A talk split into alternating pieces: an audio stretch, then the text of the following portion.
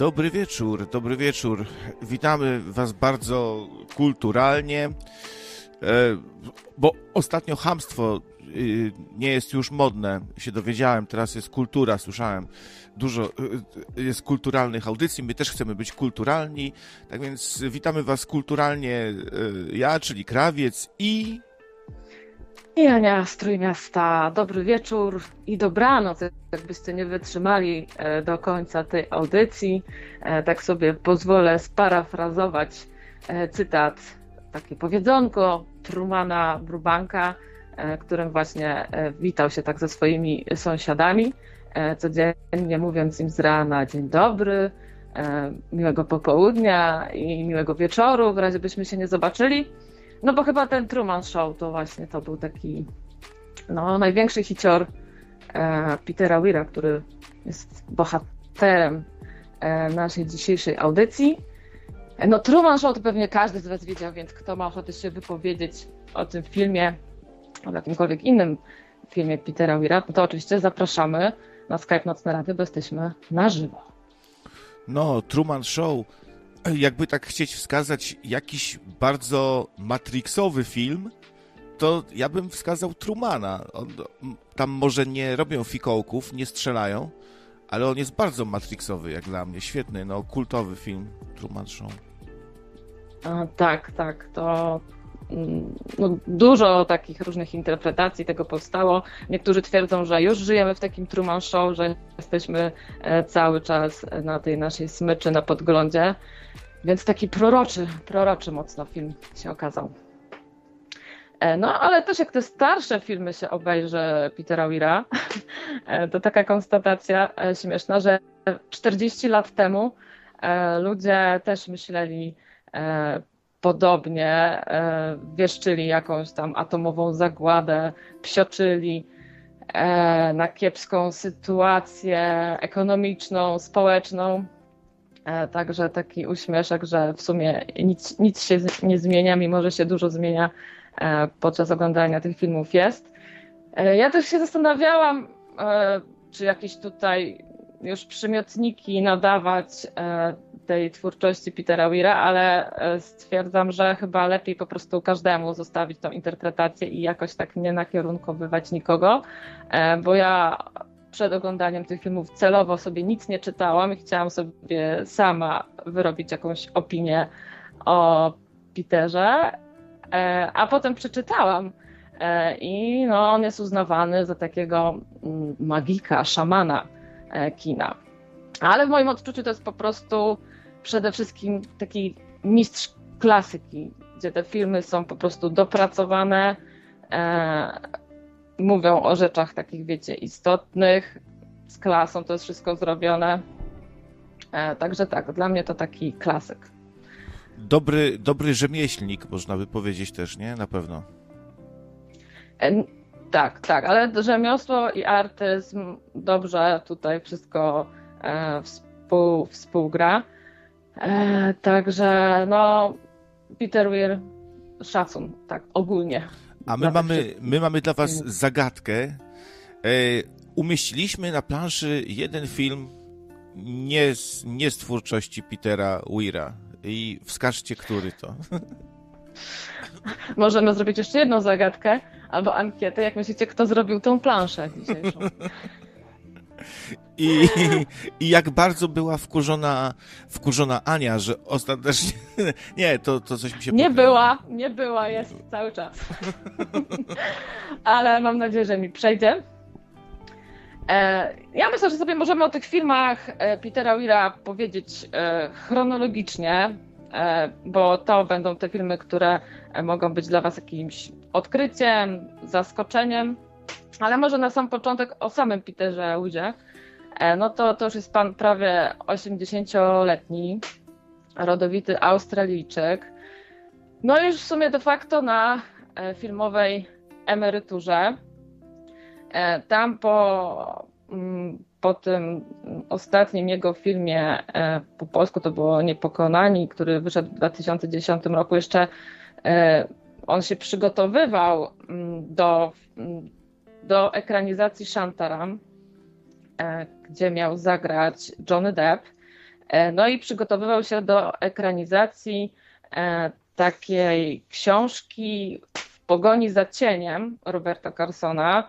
Po angielsku ten tytuł to Shadow Divers i to była prawdziwa historia Amerykanów, którzy, nurków, którzy odkryli zatopiony nazistowską łódź podwodną 60 mil od wybrzeży New Jersey, także no, zapowiadały się dwa wiekopomne dzieła. E, no, ale skończyło się tylko na tych przygotowaniach. Ethan Hawke, który no, tam współpracował z Peterem Weirem i mm, poczuł się upoważniony e, w jakimś wywiadzie e, do stwierdzenia, że po prostu Peter Weir chyba nie wytrzymał współpracy z Russellem Crowe, że to go złamało e, i także współpraca z Johnnym Deppem okazała się trudna. No i e, po jakimś czasie e, Peter Weir został zapytany o te słowa Etana Hawke'a, czy to faktycznie o to chodziło, że praca reżysera jest fajna, dopóki się nie natrafi na ciężkich w obsłudze aktorów, gwiazdy.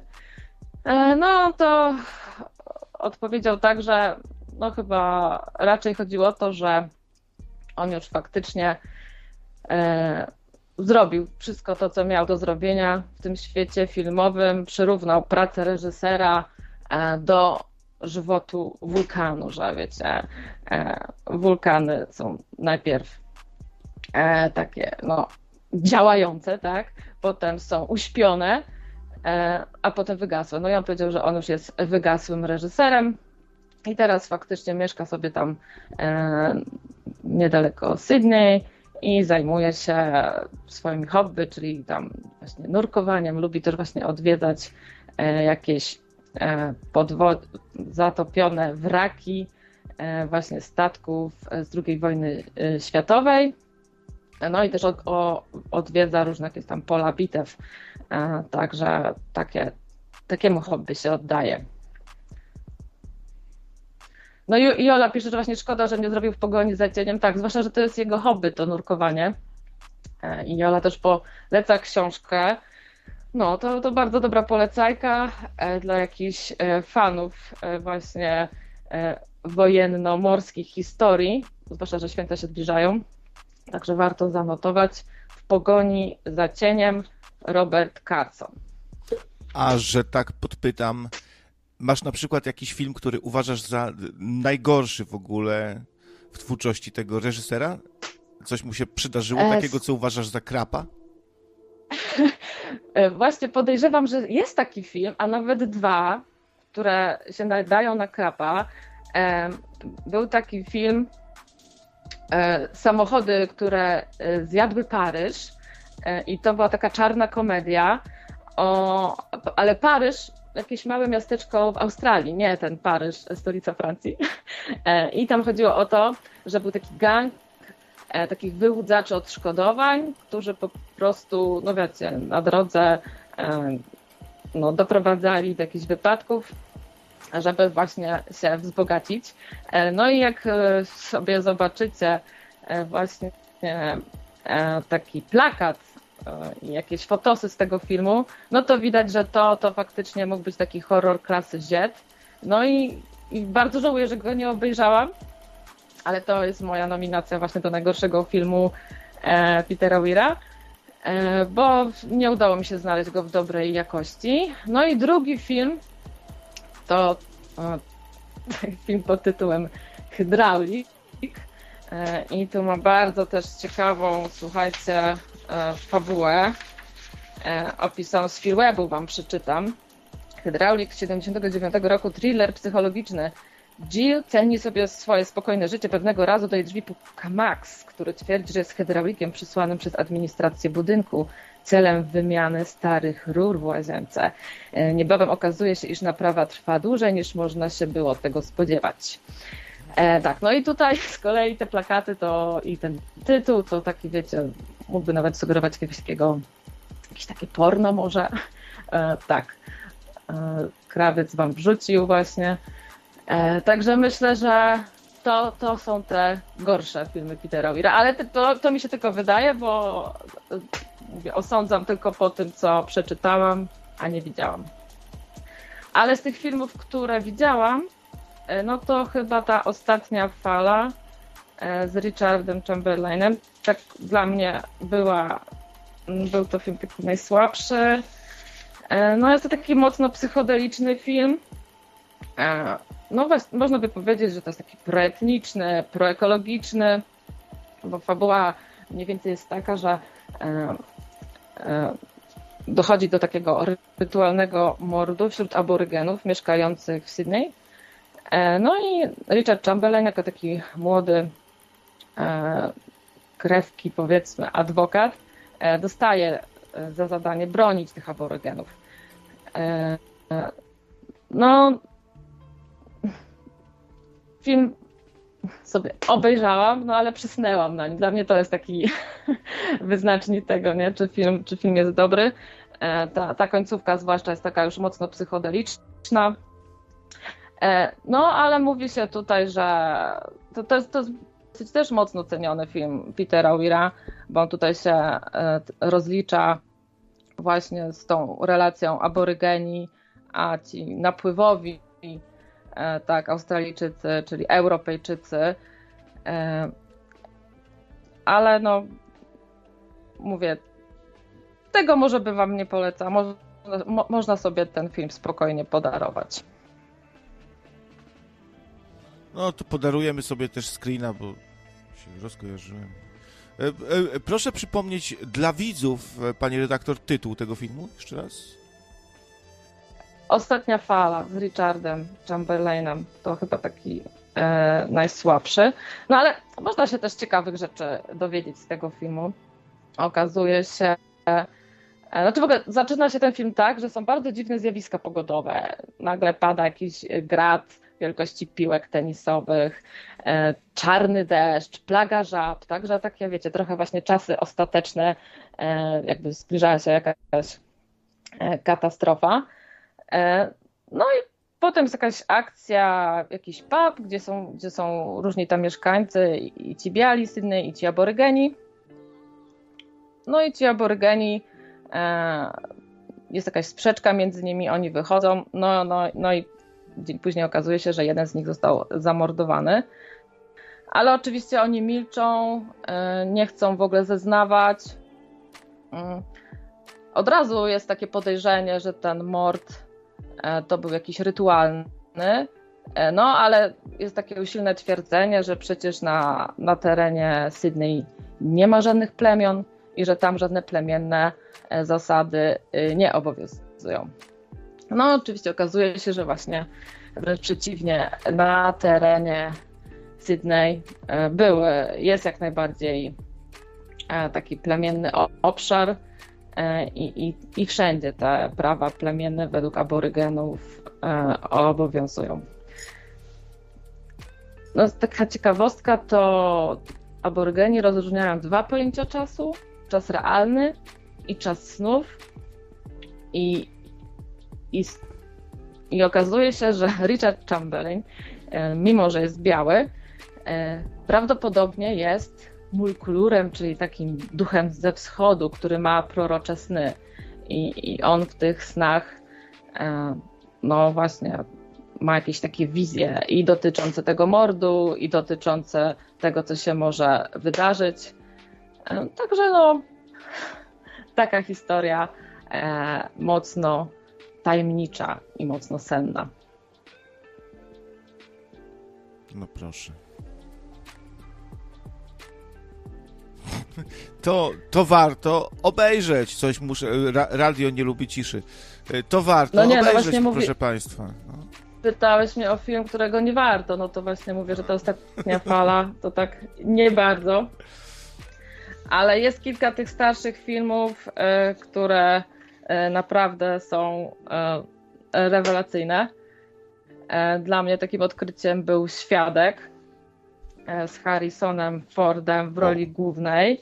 O. E, tak, e, o. z takich mistrzów e, w drugim planie to Danny Glover tam gra, uwaga, e, bardzo złego policjanta z Wydziału Narkoty narkotykowego. No i jaka, jaka tu mamy historię? Zaczyna się od mszy żałobnej w wiosce Amiszów. Okazuje się, że zmarł Jacob, mąż Rachel, zosta, zostaje młodą wdową z takim ośmioletnim Samuelem, swoim synem. E, także mamy taką młodą, gorącą wdówkę. No i co ciekawe, e, ta msza dla mnie brzmiała, jakby to było po niemiecku, no bo tak, okazuje się, że Amisze e, pochodzą tutaj z okolic Szwajcarii, ci co mieszkają w Pensylwanii i, i porozumiewają się w takim niemiecko brzmiącym języku. No no i coś, się, coś się wydarza nie wiem, jak to się w ogóle mogło e, zadziać, że tą młodą, gorącą, piękną wdowę z wioski Amiszów e, puszcza się samą z tym synem do Baltimore, do miasta. E, tam ojciec ją przestrzega, uważaj na tych Anglików, jak tam będziesz. No i no, to się nie mogło dobrze skończyć. Tu za dużo wam nie zdradzam, bo to naprawdę są pierwsze, pierwsze 10 minut tego filmu. Jej synek jest świadkiem zamordowania mm, policjanta, kiedy jest na, w, to, w dworcowej toalecie.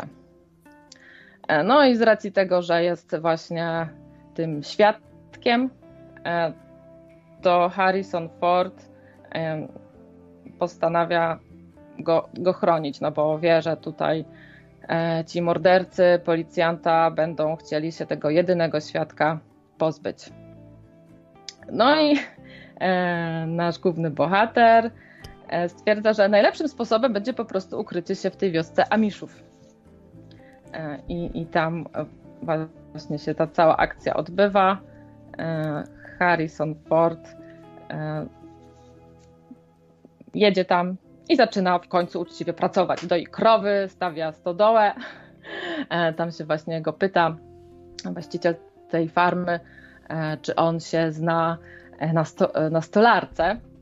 E, no i taki, to jest taki smaczek, bo tam Harrison Ford takie, tak się z przekąsem uśmiecha i mówi, że coś tam, coś tam wie o tej stolarce. Bo ty wiesz, czym krawiec Harrison Ford się zajmował początkowo. Tak, żarcik, żarcik. No, robił scenografie takie drewniane do filmów, gdzieś tam na planie zbijał coś z desek, ale przyuważył go kto? George Lucas? Jeszcze raz? E, no, jak e, Harrison robił te konstrukcje z desek, Aha. to przyuważył go tam mhm. któryś reżyser, to chyba George Lucas, nie? Był. Ale Być może, z tego co ja dzisiaj czytałam, to było tak, że on mm, najpierw grał w jakichś filmach, ale nie był zadowolony z tych ról. Potem się przerzucił na tą stolarkę i, i potem może było tak, jak ty mówisz, że, e, że ten George Lucas go, go wyhaczył na tym planie. Czyli tak pierw się trochę zainteresował tam być albo nie być, e, do dupy idę deski zbijać. Do dupy e, tak, tak. Aktorstwo. E, po prostu nie dostawał, wiesz, takich ról, e, jakie mu się tam marzyły, więc, a miał już żonę i dwójkę małych dzieci, więc stwierdził, że musi zacząć jakoś zarabiać. On, on, chyba, o, fak, on, on, on, chyba faktycznie. O, o, zarabiać. No mamy bez tematu 5 zł. Proponuję taką No zabawę. właśnie, zarabiać. Na krawiec wam wrzucił właśnie fotę e, Harrison Ford z Samuelem. E, Samuela gra aktor e, Lucas Haas. E, on gra w filmach, ale no już to ta rola jakby była najważniejsza jak do tej pory chyba w jego życiu. Ja żadne inne jakoś e, dłużej e, no mówię, mimo że ma tą filmografię bogatą i na pewno kojarzycie go z innych filmów, no to jakiejś takiej wielkiej kariery nie zrobił dzięki No Name e, bez tematu e, za piątaka proponuję taką zabawę, aby przybijać donaty o 1 zł. Ja zaczynam nisko, żeby inni też mieli, o, jaki do, dobroczyńca, mieli szansę wejść do akcji. Pozdrawiam serdecznie. To świetny pomysł, tylko trzeba zaczynać wysoko od razu. Od, od stówki i o stówkę przebijamy. Dwie stówki, trzy stówki. No. Jakbyś mógł ko kolejne zdjęcia z tego filmu, bo chciałabym właśnie Was podpytać, E, jak myślicie, kto grał tą e, Rachel, e, mamę Samuela, taką amiszową, gorącą wdówkę? A, to już... Uuu. Bo, bo męska część publiczności rozpoznaje od razu, kim jest ta aktorka. Już jest na, już jest na ekranie. No. no, czy ty, krawiec, od razu byś się zorientował? Bo jest to Kelly McGillis, która rok później e, zagrała w Top Gun e, przy boku Toma Cruza. No proszę. Charlie Blackwood. Jaki ten świat jest mały. Także, także tak, e, jednego roku w Amiszowym wdzianku. No w filmie też to Amiszowe wdzianko na chwilę zrzuca, ale no, nie spodziewajcie się tam za dużo momentów, bo to jednak, to jednak jest wioska Amiszów. E, ale właśnie rok później zamieniła e, tą suknię i ten czapek na dżinsy i na skórzaną kurtkę i miała taką, no, no też jakby dla siebie chyba naj, najważniejszą rolę, którą się zapisze już po wsze w kinie, czyli Top Gunie, ale chyba jakiejś większej kariery też potem nie zrobiła. Ten e, Top Gun to chyba był max. Mi się w tym świadku super podobało to wniknięcie w świat Amishów po prostu, tak zwyczajnie i e, różne scenki z ich życia, no i to fajnie kontrastowało z, z, z, tym gliniarzem, twardzielem, nie? który się znajduje w takiej zupełnie obcej dla siebie społeczności i, i, i dla mnie to jest tutaj główny wątek, nie? A tłem jest tam y, morderstwo, świadek. Tak, E, różne ciekawostki też z życia Amiszów. E, na przykład nie używają e, guzików, bo uważają, że guziki to oznaka próżności. Szatan. Nie zostało to w filmie. Bo tu... Szatan, proszę Państwa, Nie... uważajcie na, na guziki. Guziki są magiczne. Jak kominiarz idzie, to co? Za guzika trzeba się złapać. I to jest magia. Szatan. No, tak bardzo ciężko pracują. To jest taki też film właśnie o tej magii wspólnoty, o sile wspólnoty, e, bo ta, e, ta, ta wioska faktycznie bardzo się tam wspiera. E, na początku no, sceptycznie, tak delikatnie mówiąc, podchodzą do obecności Harrisona Forda, ale on daje się poznać jako taki pracowity, uczciwy człowiek i, i akceptują go i chronią w miarę możliwości. E, cie, tak, tak. Ciekawe, czy mnie by lubili Amisze. Na przykład to... z moją pracowitością. No zaraz, raczej byłoby ciężko. Myślę, że byś, byś szybko został wydalony y, z tej wioski. E, tam właśnie taki dowcip, sucharek wam przytoczę. E, syn rolnika poszedł do wojska i pisze list do ojca. Tato, tu jest wspaniale, można się wylegiwać do 6 rano. tak, Harrison Ford jest budzony tam jeszcze przed świtem i przed kurami, e, przed piątą rano, no bo trzeba krówki wydoić, no a wiadomo, Amisze e, e, nie uznają technologii, więc wszystko robi się ręcznie. E, no tych Amiszów w Stanach Zjednoczonych jest podobno około 300 tysięcy, no, ale w sumie to, pochodzą z Europy i czemu, czemu w Europie nie ma, nie ma takich e, wspólnot? I wyobraźcie sobie, że były takie próby e, podejmowane żeby w latach 90., żeby to osadnictwo Amiszów w Europie z powrotem przywrócić. I nawet w Polsce takie próby miały miejsce. I w 93 roku przybyła właśnie do Polski e, taka rodzina Amiszów i mieszka obecnie e, na Lubelszczyźnie. E, są to państwo Martinowie. Jakbyście chcieli zobaczyć, jak państwo Martinowe, jedyna rodzina Amiszów w Polsce żyje, no to na YouTubie jest sporo z nimi filmików. Oni też byli bohaterami różnych reality show, E, w stylu, wiecie, gentleman na wsi, takie, e, takie historie. E, także można sobie zobaczyć, jak oni sobie tutaj żyją. No, dla mnie, jak widziałam tych Amiszów polskich naszych, mm, no to raczej takie, taki smutek, że oni są tacy samotni, nie? bo w tych właśnie wspólnotach najważniejsze jest to, że, że te rodzi- jest ich więcej, mają siebie, się wspierają, a oni są tutaj sami z tym swoim sposobem na życie. No i siłą rzeczy są tacy odizolowani. No i właśnie o tak, o izolacji właśnie są też te Petera Weira głównie filmy.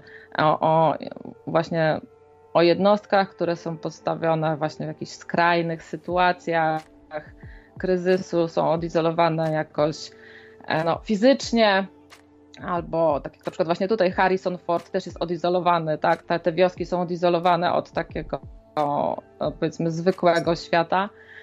E, czy jakoś psychicznie są odizolowane, e, także o takich właśnie mm, granicznych sytuacjach są, są te filmy. Czyli lubi budować sobie pisze... czasem, e, czyli lubi sobie społeczności budować.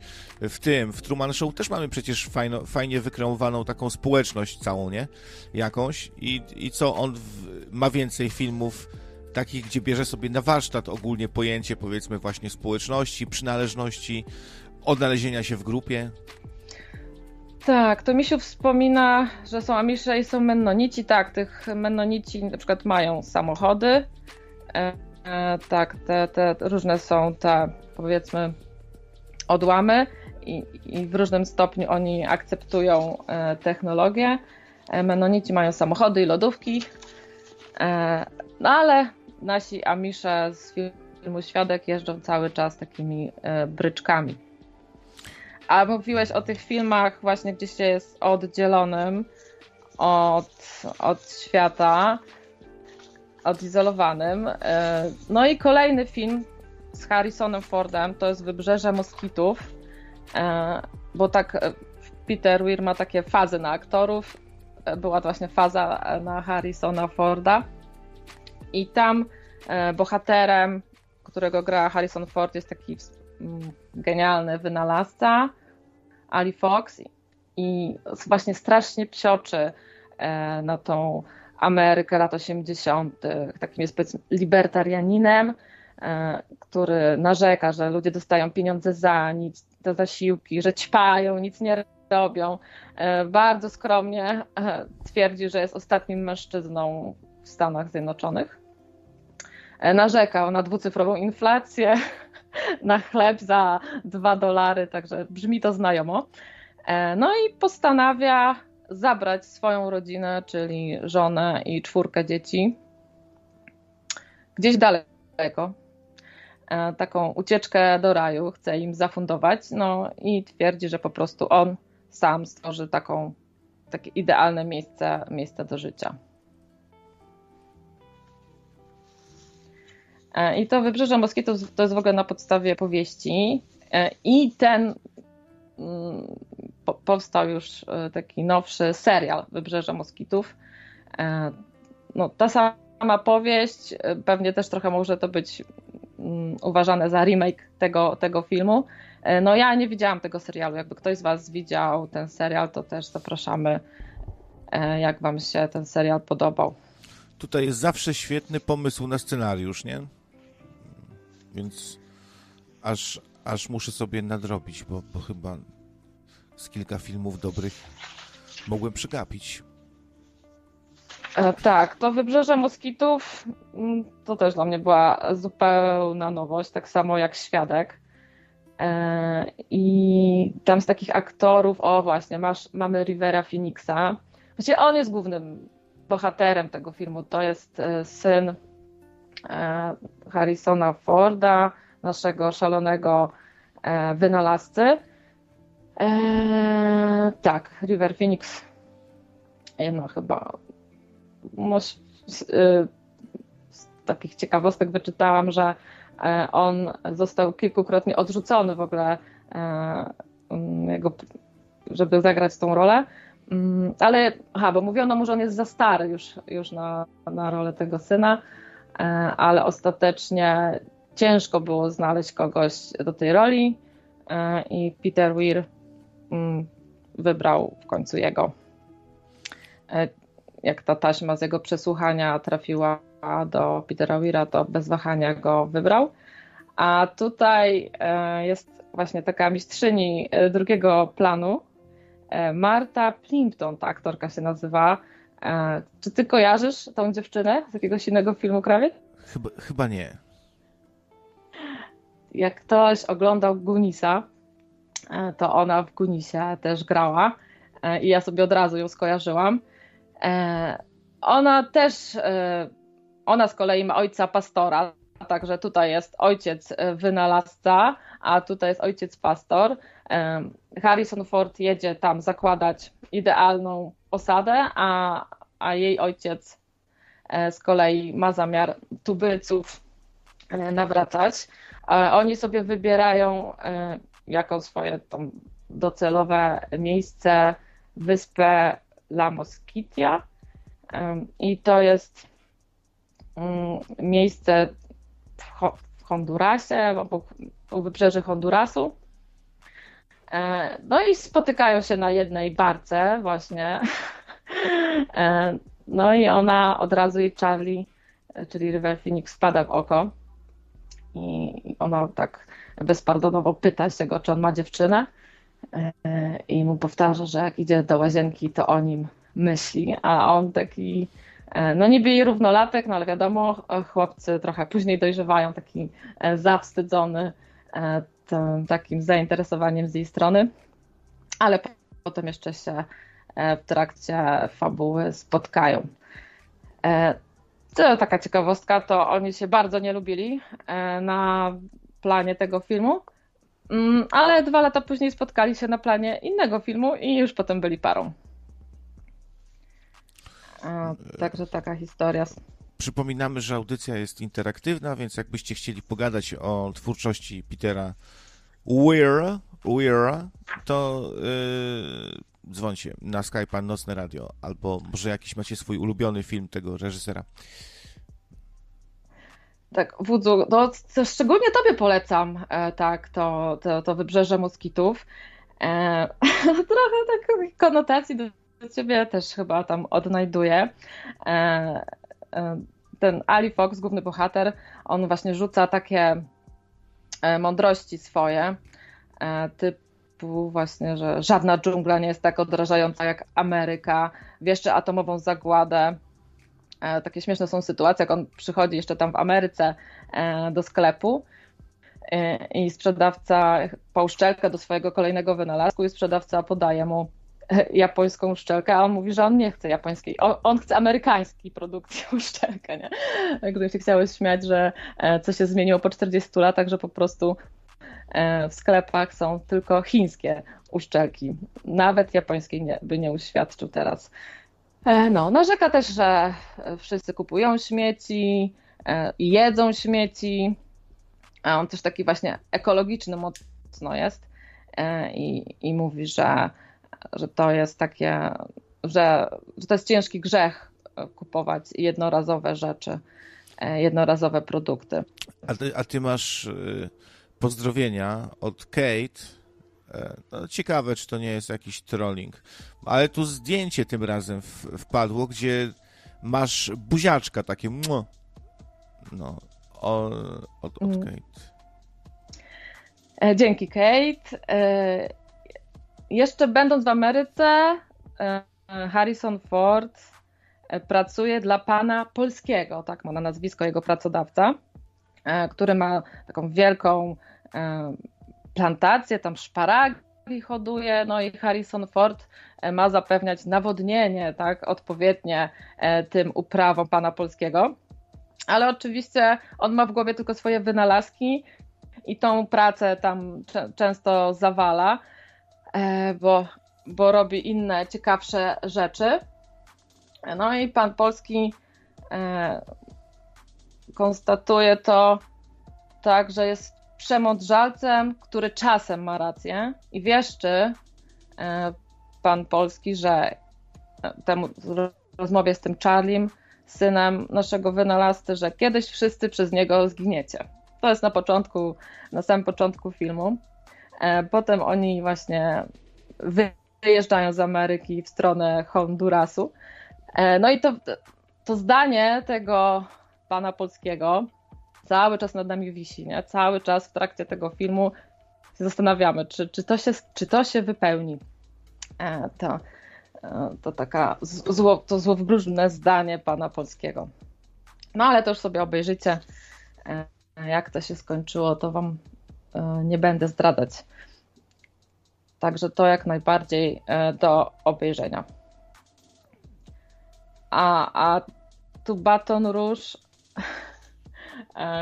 pisze już o, nas, o, o, wcześniejszym filmie, jeszcze wtedy jak Peter Weir miał fazę z kolei na Mela Gibsona, e, to no też gorąco polecam Rok Niebezpiecznego Życia, e, gdzie mm, no, historia w skrócie jest taka, że mamy młodego australijskiego reportera, w tej roli Mel Gibson, który zostaje rzucony e, przez ABC do Indonezji, do Dżakarty, e, gdzie ma po prostu relacjonować e, to życie polityczne, społeczne, no bo widać, że po prostu e, to są lata 60., 65 rok dokładnie, że po prostu ten kraj stoi na skraju rewolucji, jakiegoś przewrotu. Nie wiadomo, kto tam, kto tam dojdzie do władzy, czy komuniści, czy, czy jakaś junta wojskowa przejmie władzę. Robi się tam naprawdę gorąco. Jest to taki film przede wszystkim właśnie o, o roli dziennikarzy w takich też sytuacjach e, i no i kontrastach społecznych, nie? bo tam e, ci, ci dziennikarze z, jak, jakieś, z jakimiś ambasadorami się ciągle spotykają, z jakimiś przedstawicielami e, władzy tej indonezyjskiej. Oni się spotykają na jakichś rautach czy innych przyjęciach a tam niedaleko, w innych dzielnicach, e, ludzie się biją o miskę ryżu. E, na samym początku e, Guy Hamilton, czyli właśnie nasz reporter z Australii, no wchodzi w to środowisko tych dziennikarzy, tych korespondentów zagranicznych i zaprzyjaźnia się z Billym Kwanem, takim miejscowym dziennikarzem. No i to jest właśnie ciekawostka. E, tego dziennikarza gra Linda Hunt, e, którą właśnie widzieliście przed chwilą jako tą dyrektorkę przedszkola, z gliniarza w przedszkolu. Bo tak, ona zagrała tam męską rolę. No, no i zrobiła to, to świetnie. Jest tutaj też wątek miłosny. Guy Hamilton czyli Mel Gibson, mm, poznaje pracownicę ambasady brytyjskiej, tu w roli, w tej roli Sigourney Weaver. No, pierwsza randka e, na basenie się odbywa, e, także bardzo, bardzo sprytnie. E, no, i to tutaj taki jest dylemat, czy, czy wyjeżdżać w ogóle z tej Indonezji, bo Sigourney Weaver najpierw nie chce w ogóle z nim żadnych, żadne romanse wchodzić, bo, bo już wie, że będzie w tej Indonezji jeszcze tylko tam trzy tygodnie. E, a Mel Gibson jako taki młody dziennikarz, on ma straszne parcie na to, żeby tutaj być e, i, i, i właśnie te napięcia społeczne, e, te protesty, tą rewolucję relacjonować. No a dzięki temu, że właśnie zaprzyjaźnia się z tym Billy Quanem, który jest miejscowy, no to ma dojście do naprawdę super kontaktów. E, I na przykład e, dostaje e, wywiad na wyłączność z przewodniczącym partii komunistycznej. I to robi furorę i wszyscy tam inni dziennikarze mu tego zazdraszczają strasznie. I wchodzą właśnie w taki układ, że są po prostu taką parą reporterską no ale tam robi się coraz, coraz goręcej. E, także tak, jakbyście chcieli e, zobaczyć, jak tam Suharto no, dopchał się do władzy w Indonezji, jak te czystki tam się zaczynały, to taki dobra lekcja historii. Ciężka.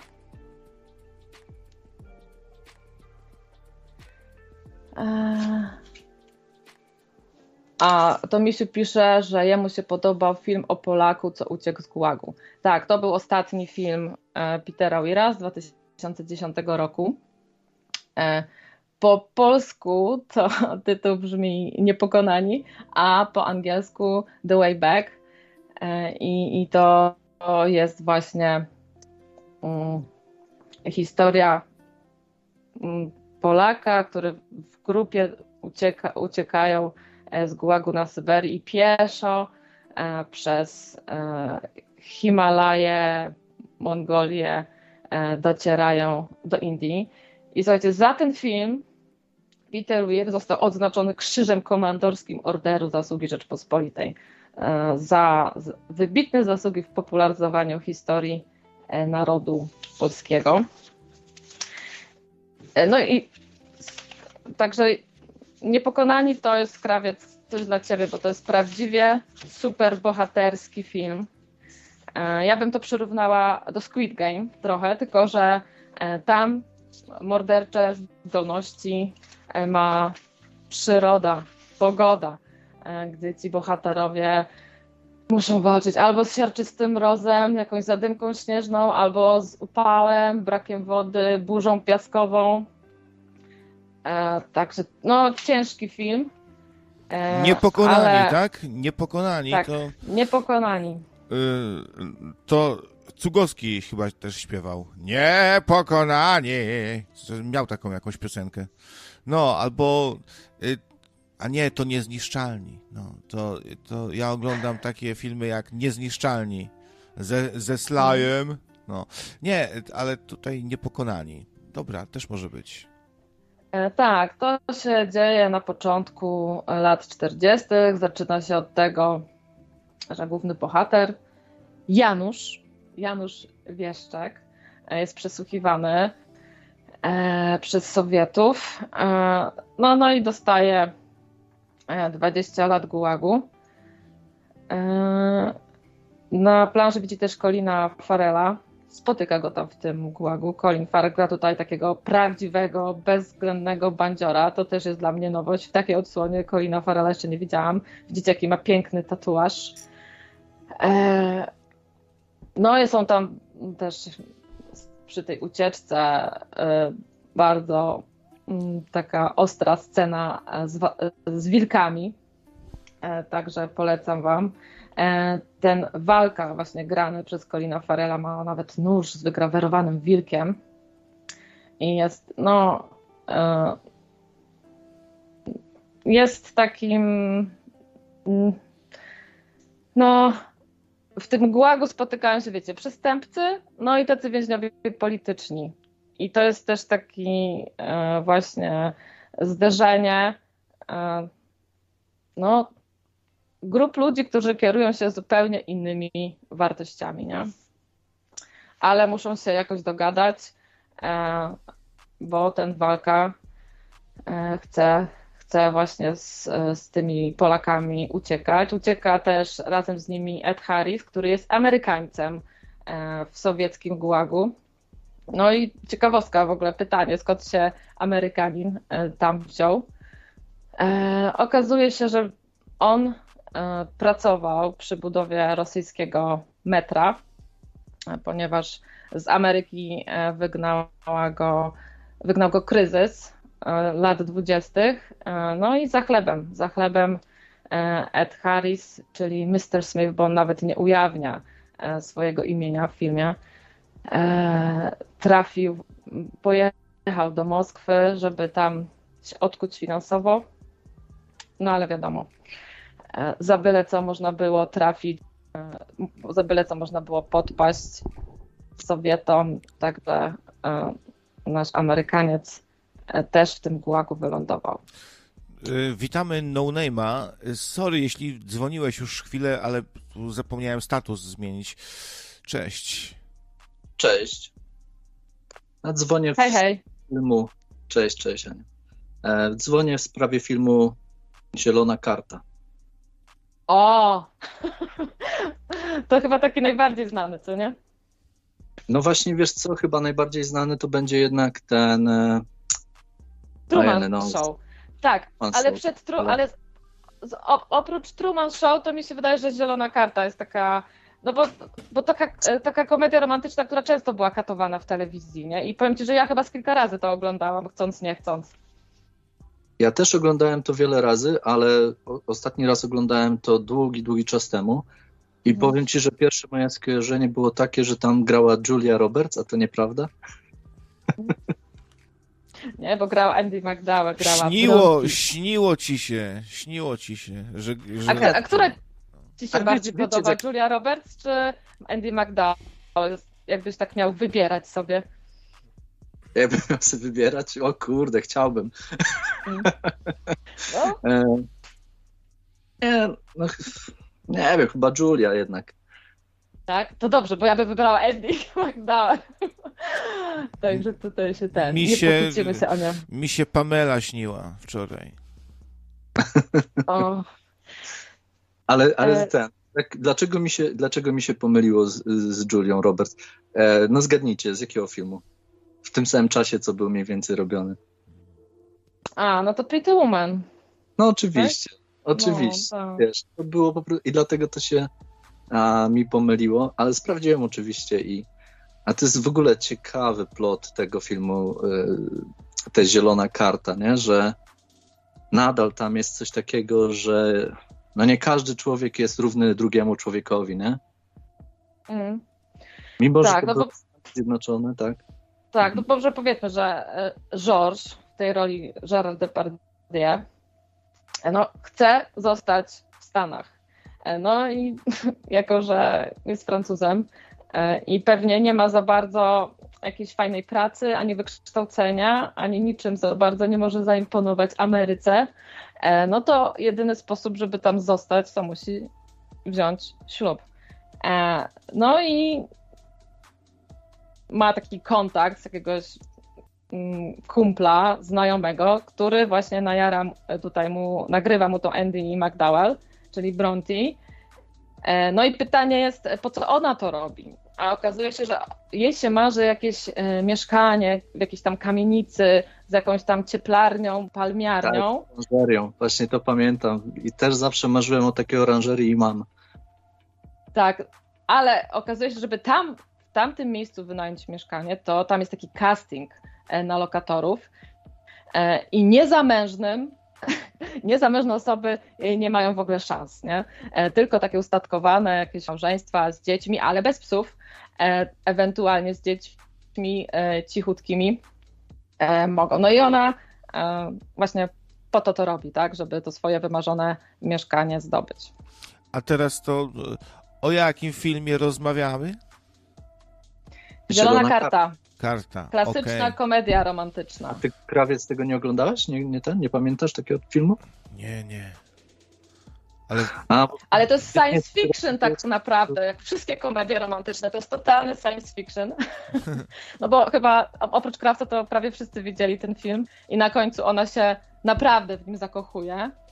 A, a to, to, to się nie mogło wydarzyć, no bo przecież chyba jeszcze nikt nie słyszał o jakiejś Amerykance, która zakochałaby się w facecie bez samochodu, nie? On po prostu tam e, goły i wesoły totalnie w tej Ameryce e, dorabia sobie od czasu do czasu jako kelner, e, taki wolny ptak. No, znaczy, taką to we, niecie... Francuzie, we Francuzie to jeszcze mogłaby się zakochać, tylko że ten Gerard Depardieu on jest brzydki, nie? Tak ogólnie. Jak na Francuzę to jest po prostu straszny. Ale wiesz co, ma jedną bardzo ważną cechę. Dobrze Duży gotuje nos. I lubi gotować. Duży nos. E, duży nos, tak, to też mówią, że to o czymś świadczy, co nie? Tak. Też jest dobry, e, dobra zapowiedź. E, no i on tam, no bo oni, ten urząd imigracyjny tam się strasznie nimi interesuje, podpada im to. No i oni tam muszą spędzić ze sobą kilka dni i przygotować się do takiego wywiadu, który ostatecznie potwierdzi, czy to jest fikcyjne małżeństwo, czy, czy prawdziwe małżeństwo. No i oni oczywiście no, zbliżają się do siebie, tak? E, No i Gerard Depardieu opowiada, że już opowiada tej Bronte o, o swojej nieciekawej przyszłości, że rzucił szkołę na przykład, gdy miał 10 lat, e, że tam zadawał się z jakimiś prostytutkami. E, No i z ciekawostek na filmie przeczytałam, że do scenariusza zostały wplecione autentyczne fakty z życia Depardieu, właśnie łącznie z jego zamiłowaniem do prostytutek. A było to jak wplecione z tym, jak on się zachowywał w samolocie? Pamiętacie, co on odwalił? Ale mówię o Gerard Depardieu. Co on odwalił w samolocie? Aha. Kiedy... Co, co w realu odwalił? A weź przypomnij, co on Tak. tam zrobił. No, odsikał się na środku. ponieważ, ponieważ stewardesa powiedziała, że w tej chwili nie można korzystać z toalety, ponieważ są turbulencje lub lądowanie, już nie pamiętam. No to on wstał i na środku po prostu, wiesz, wyjął tego długiego nosa.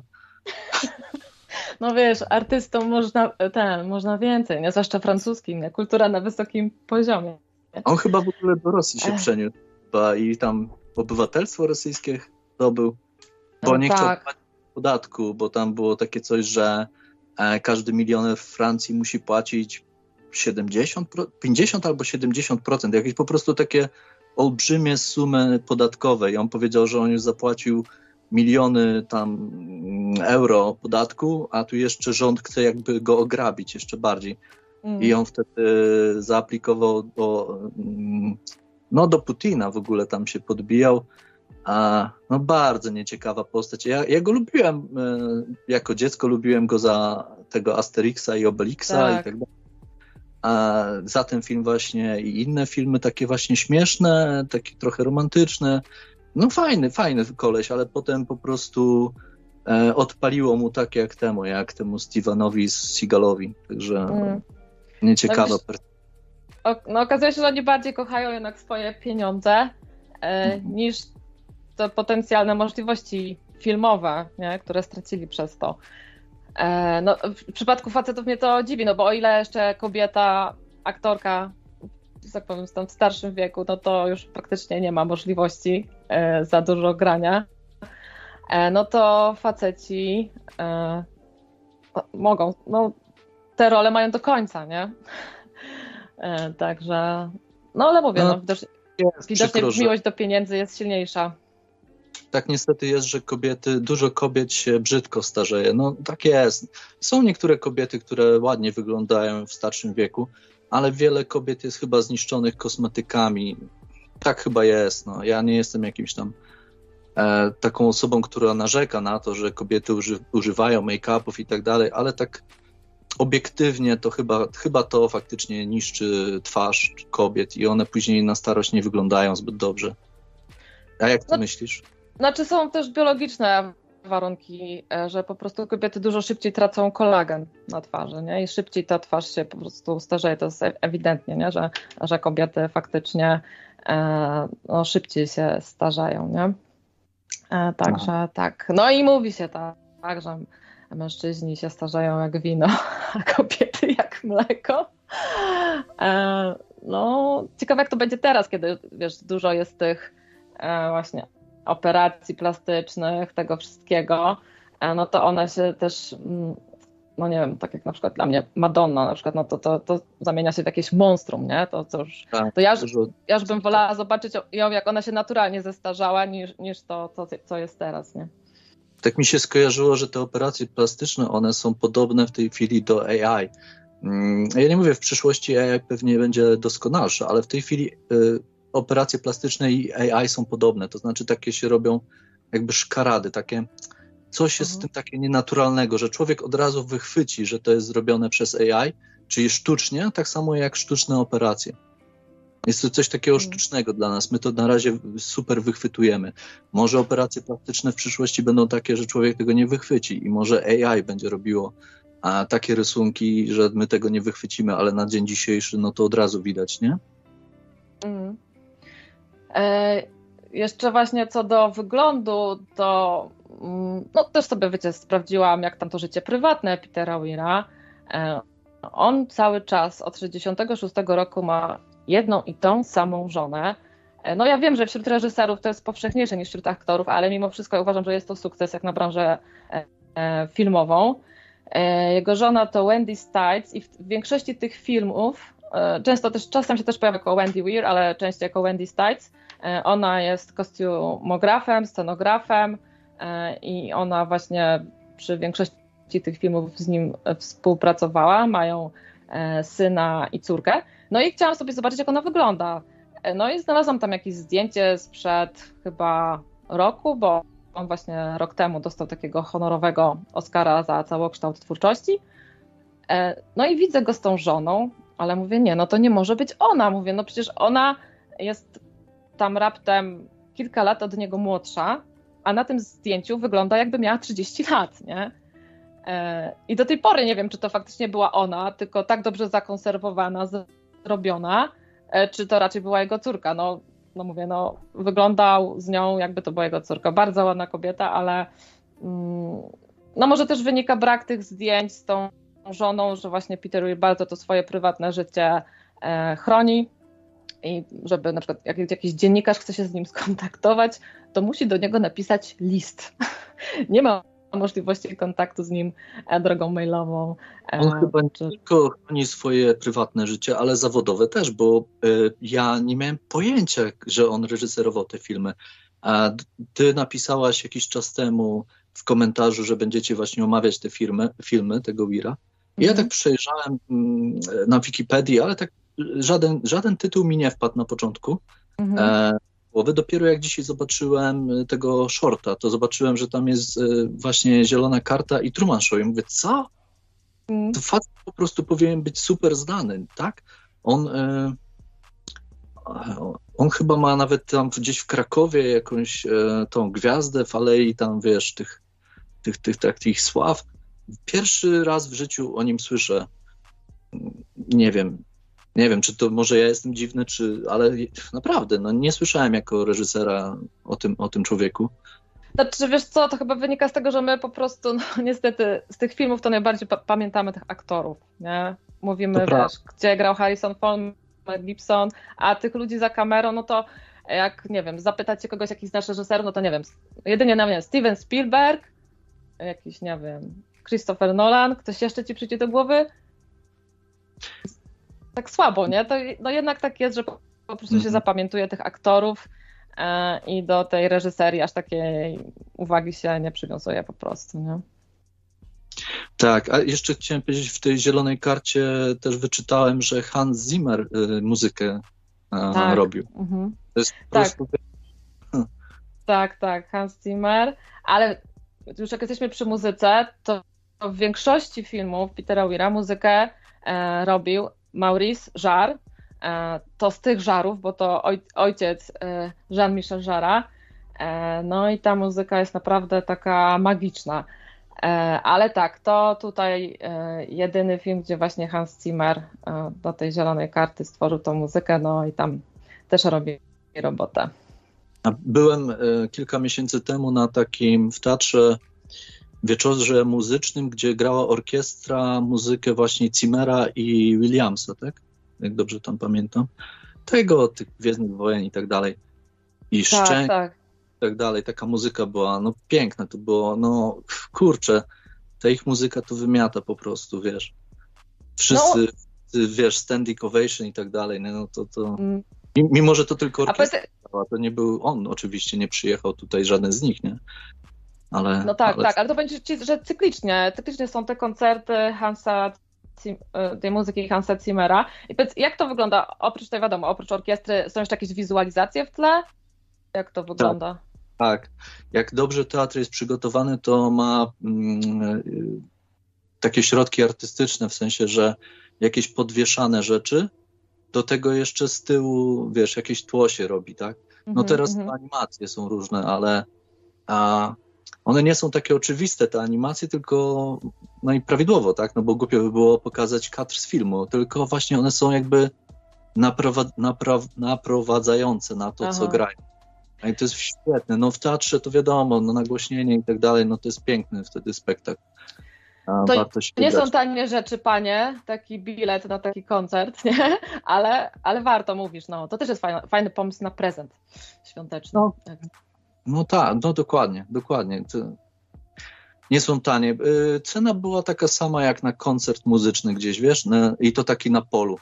E, bo one, te mhm. koncerty takie muzyczne, gdzie jest bardzo dużo ludzi, one są bardzo drogie, a ja osobiście nie lubię być gdzieś tam na polu i słuchać muzyki przy, razem z tysiącami ludzi. Wolę właśnie iść do teatru, gdzie jest, wiesz, no też jest tam tysiąc ludzi czasami, nie? Ale wiesz o co mi chodzi, tak? Tak, tak. Gdzie ładnie ubrani, siedzą kulturalnie, a, no i tak dalej. To, to ja, ja akurat tak preferuję i Właśnie, tak, kulturalnie. Teraz stawiamy na kulturę. Niech tylko zadzwonił, widzicie, kulturalny człowiek i merytorycznie, i kulturalnie. E, tak, widzicie, to u nas tak jest właśnie w Nocnym Radio. tak, tak, zawsze tak jest. E, tylko, A jeszcze z innych niedzielę, tych filmów e, Petera Weira, który tak najbardziej, najlepiej pamiętasz? No to właśnie jeszcze ten Truman Show, tak?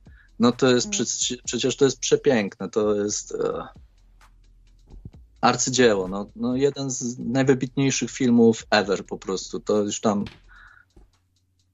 nie, trudno się doszukać lepszych, nie? No tak, taki proroczy mocno, nie? Przerażający. No i tutaj też właśnie się zaczęła e, faza na Eda Harrisa, e, bo tym takim twórcą tego programu telewizyjnego, tym takim bogiem E, sea Heaven, czyli tej miejscowości fikcyjnej, e, gdzie to cały, ten cały największy plan zdjęciowy na świecie e, jest stworzony, no to tym twórcą tego wszystkiego właśnie był Christoph, czyli Ed Harris. No o czym to jest film? To jest o, o, mm, no takim no właśnie o Matrixie, nie? który zaczyna się po prostu psuć. E, sobie pomyślałam, że jak go teraz oglądałam, że e, jak jakieś szury to teraz go obejrzały, to tam jest dużo. E, no, o takich spiskowych teoriach. E, zwłaszcza jak była taka, e, no, Truman chce już uciekać e, na to swoje wymarzone Fiji, chce się wyrwać z tego Sea Heaven. No i E, no i ci realizatorzy e, no, muszą wymyślać coś, żeby go zatrzymać na tej wyspie. E, no i symulują jakiś wyciek z, reaktora nie, jądrowego. I tam ci faceci w tych kombinezonach, ja mówię, no kurczę, czy to nam czegoś nie przypomina, nie? Ale tam w tym filmie, po obejrzeniu takiego filmu, ile można sobie pytań zadawać, tak? Czy, czy całe nasze życie to jest po prostu jakby jakaś imaginacja, tak, wymyślona i my jesteśmy, no bo wiadomo, każdy z nas jest e, sobą tylko, tak? Tylko mhm. odbiera świat według swojego widzenia. Ja teraz widzę tylko te miejsce, gdzie jestem, a nie widzę reszty świata, tak? Więc tak jak było u Trumana, on widział tylko to, co mógł zobaczyć wokół siebie, a nie widział tego, co się dzieje za sceną. A później na przykład, tak jak powiedziałaś, ci y, szury mogą widzieć na przykład, że jest kopuła, nie ma księżyca, to wszystko jest fejkowe. A mogą być też takie pytania, że takie przenośnie, że to właśnie strach ogranicza nasz y, zasięg, tak? Intelektualny, tak. czy że, że przez to, że się boimy wyjść dalej, dlatego, dlatego nie odkrywamy świata, nie odkrywamy naszych możliwości, potencjału, bo, no bo jesteśmy skłamszeni w jakiś sposób, tak? Tutaj no. E, Marcin Chudzik dzwonił, ale ja go nie odbieram, bo ja wiem, co on chce e, powiedzieć. Czekaj, czekaj, jak się nazywała łódka, którą płynął bohater? No, to pytanie do wszystkich. No, to, to, ja wiem, już, już go znam, wiem, wiem, że on to powie. No, a, a, a propos e, właśnie filmu, o którym mówimy. A tak serio, Marcinie, dołączę cię po No Name, który jeszcze z nami jest chwilkę na antenie tutaj, bo myślę, że, myślę, że pojedynczo będziemy po prostu odbierać. Świetny pomysł, ja zaraz kończę, a tak pewnie jeszcze następną przynośnie można taką zrobić dla Marcina specjalnie, że przecież jak e, był na tym, jak Truman był na, na tej łodzi, to później tam wyszedł, mógł iść. To jest takie alegoria do życia Jezusa i oczywiście do świętej Marii, marihuany. To, to jest temat dla niego, to jest że... Czekaj, czekaj, czekaj, czekaj, czekaj, kolego! Jezus y, konopny, kolego. Nie, no dobra, już... Dasią, no tak, faktycznie, to było ziarno, No tak, które... to była Santa Maria, ale to raczej chodziło o odkrycie nowych lądów, jak Krzysztof Kolumb. Tylko tyle i aż tyle. Ale jeszcze do tego strachu, co ty mówiłeś, e, no bo jak e, ci twórcy tego programu E, osiągnęli to, że, że Truman mieszkał sobie w tym Sea Heaven i nie chciało mu się nigdzie poza to Sea Heaven e, jeździć, e, bo oni sztucznie wywołali w nim taką no, lęk przed wodą, tak? Bo on jak był dzieckiem z tym swoim niby ojcem, czyli tam aktorem, który grał jego ojca, e, wypłynął na morze. E, no i w trakcie sztormu ten ojciec po prostu zatonął. No i tym pięknie właśnie wywołali e, u Trumana wstręt do wody i on po prostu, a to była wyspa e, o, i on po prostu e, mimo, że miał gdzieś z tyłu głowy, że chciałby na to Fidżi, e, czy gdzieś dalej w te Stany, no tak tylko podchodził do tej przystani e, promowej, e, to już z biletem w ręku, ale, ale cofał się, nie? bo jednak ten strach był e, większy niż ta chęć odkrywania świata. Mhm.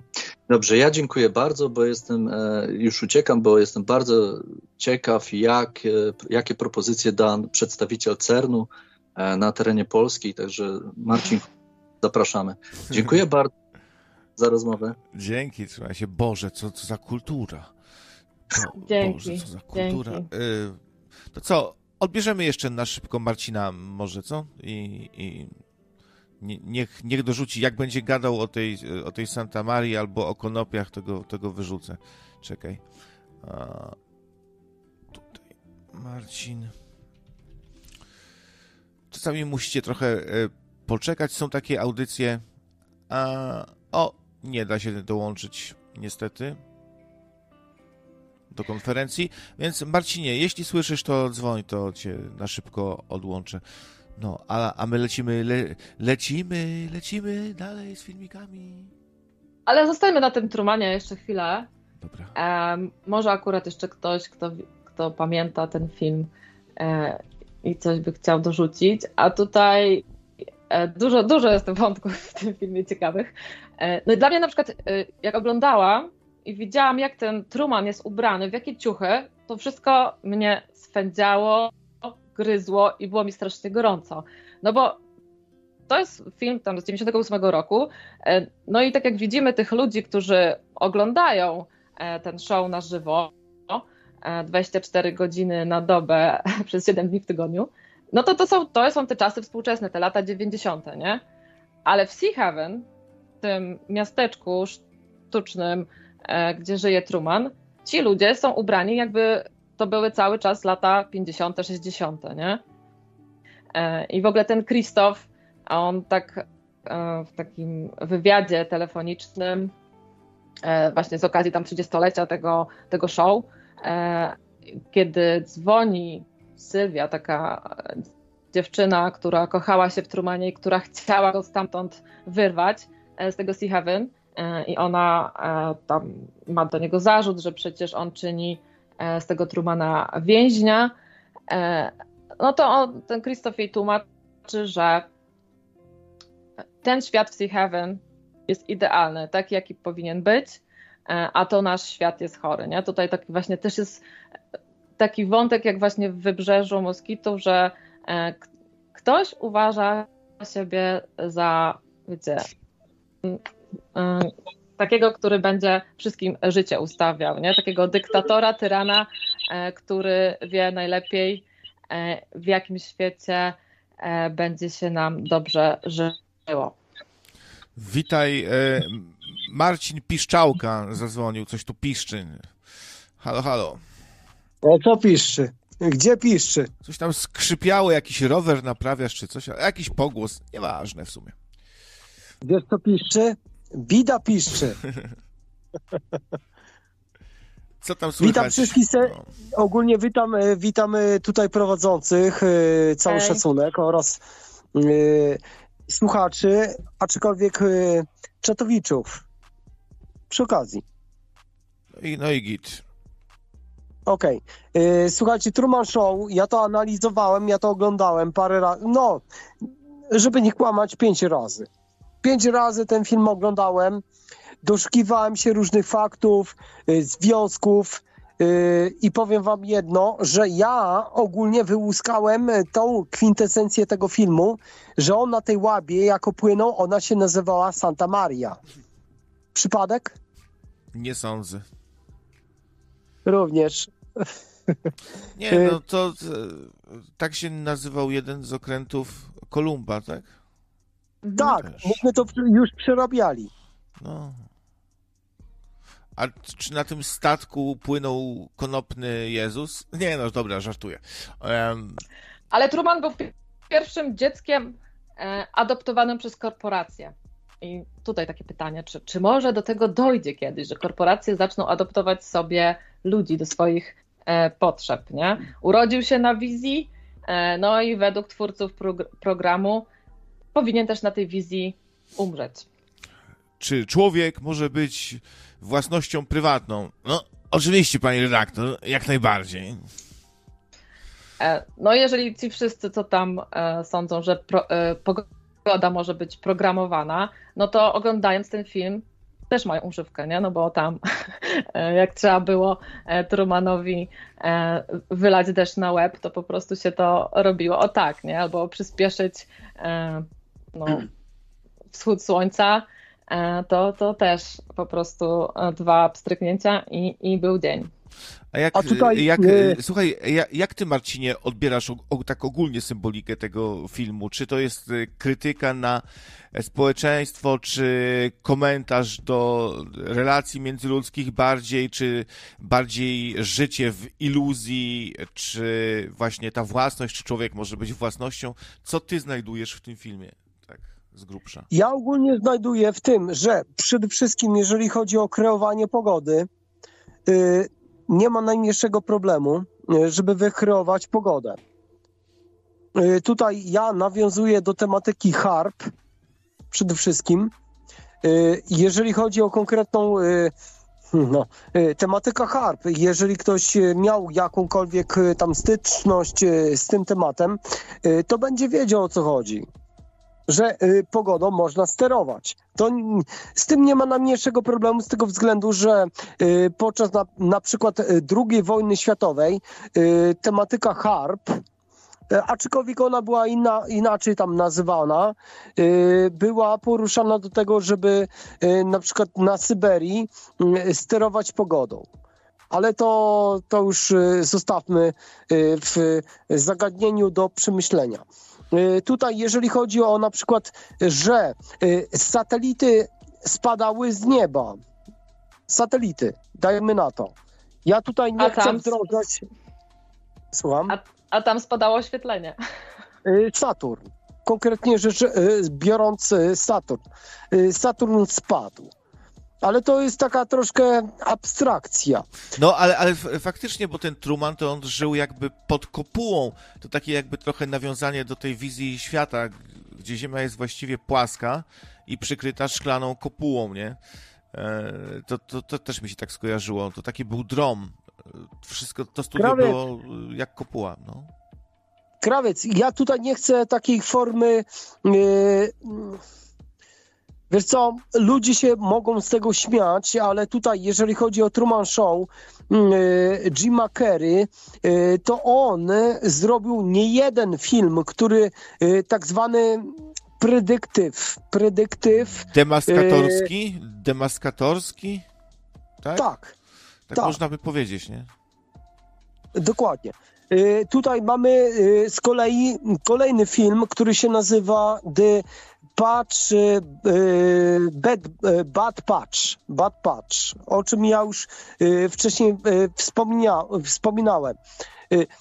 On ogólnie jest osobą, która jest taka troszkę osobą kontrowersyjną w świecie Hollywood, która, która tam uchyla rąbek tajemnicy tego, co się będzie wydarzać w czasie przyszłym. Więc y, jeżeli chodzi o tutaj Truman Show, jeżeli chodzi o tą całą kopułę, ja tutaj nie mówię, że Ziemia jest płaska, bo tutaj to jest kwestia interpretacji. Każdy sobie może interpretować. Wiesz co, przepraszam, przepraszam że, że ci przerwę. Ja nie mówiłem tego ironicznie czy zgryźliwie jakoś do ciebie nawiązując.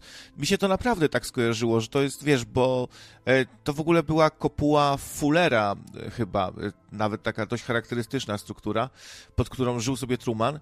I tak mi się skojarzyło, bo że w wizji płaskiej Ziemi też zakłada się, że jesteśmy tak przykryci, jak y, na talerzu jakimś takim szklanym, wie, wiecie, y, taką przykrywką szklaną troszeczkę, taki człowiek przykryty w, y, w szklanej klatce na przykład. ja powiem to inaczej. Hmm. Wytłumaczę to w ten sposób. Jeżeli chodzi o ludzi, którzy mają przy sobie telefon komórkowy, oni de facto są monitorowani. Monitorowani względem całego zachowania, względem y, lajków, y, względem y, komentowania, y, względem no czego jeszcze, ogólnie zachowania się na internecie. Internet na dzień dzisiejszy, jeżeli człowiek ogólnie odciąłby się od internetu, to jest to osoba incognito. Ale na dzień dzisiejszy, jeżeli jesteśmy zintegrowani z technologią, w której my się ogólnie posługu- posługujemy, bo korzystamy z telefonu. Korzy- każdy, ko- tableta, nie tableta, telefonu, komputera. Jesteśmy w ten sposób monitorowani. Nasze zachowania, nasze lajki, nasze komentarze, nasze ogólnie odwiedziny jakiejkolwiek strony są ściśle monitorowane. I tutaj nie ma, że y, to zanika. Od tego są serwery, do tego, żeby monitorować nasze zachowania. Nasze zachowania są po to monitorowane, żeby mieć nad nami przede wszystkim jakąkolwiek kontrolę. Ja nie mówię władzę. Władza przyjdzie później, ale na dzień dzisiejszy to jest taka tak zwana kontrola. No, Więc- no, i- y, o- o- okej, okej, no to też.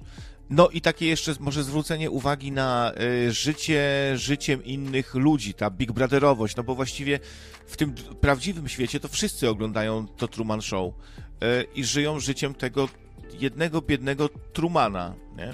Cały czas. No to też jest pytanie e, do was, chłopaki, nie? Czemu streamy na żywo cieszą się taką popularnością, nie? No tak. E, Słuchajcie, ludzie chcą oglądać, ludzie chcą słuchać y, tego, y, co się wydarza na bieżąco. Bo ogólnie ludzie nie lubią słuchać after party. After party to jest coś w rodzaju y, no, Znaczy, wiesz, after przeterminowanej party- daty, wa- da, y, przeterminowane daty, y, przeterminowanej daty ważności. nie, after party już wtedy tak? odra- Bardziej oni oddaj lubią słuchać, Oddaj ale nie lubią, wiesz, wyreżyserowanych rzeczy, nie? I tam nawet pada takie zdanie, nie? Że ja to oglądam, bo on jest taki prawdziwy, nie? Ten Truman. Oczywiście wszystko inne jest wyreżyserowane, no ale nie do końca.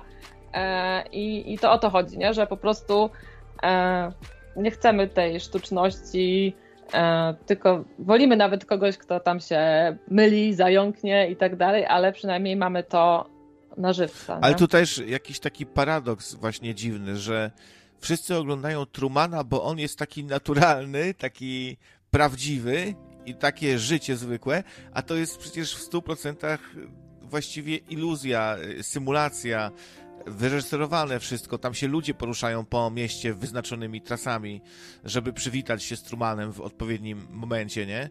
E, s- Tak. To wszystko przypomina plan filmowy, bo tam są takie fejkowe miejsca. Ni niczym trochę w jakiejś grze komputerowej GTA, gdzie no nie da się wejść po prostu, bo, to tam, bo tam nic nie ma.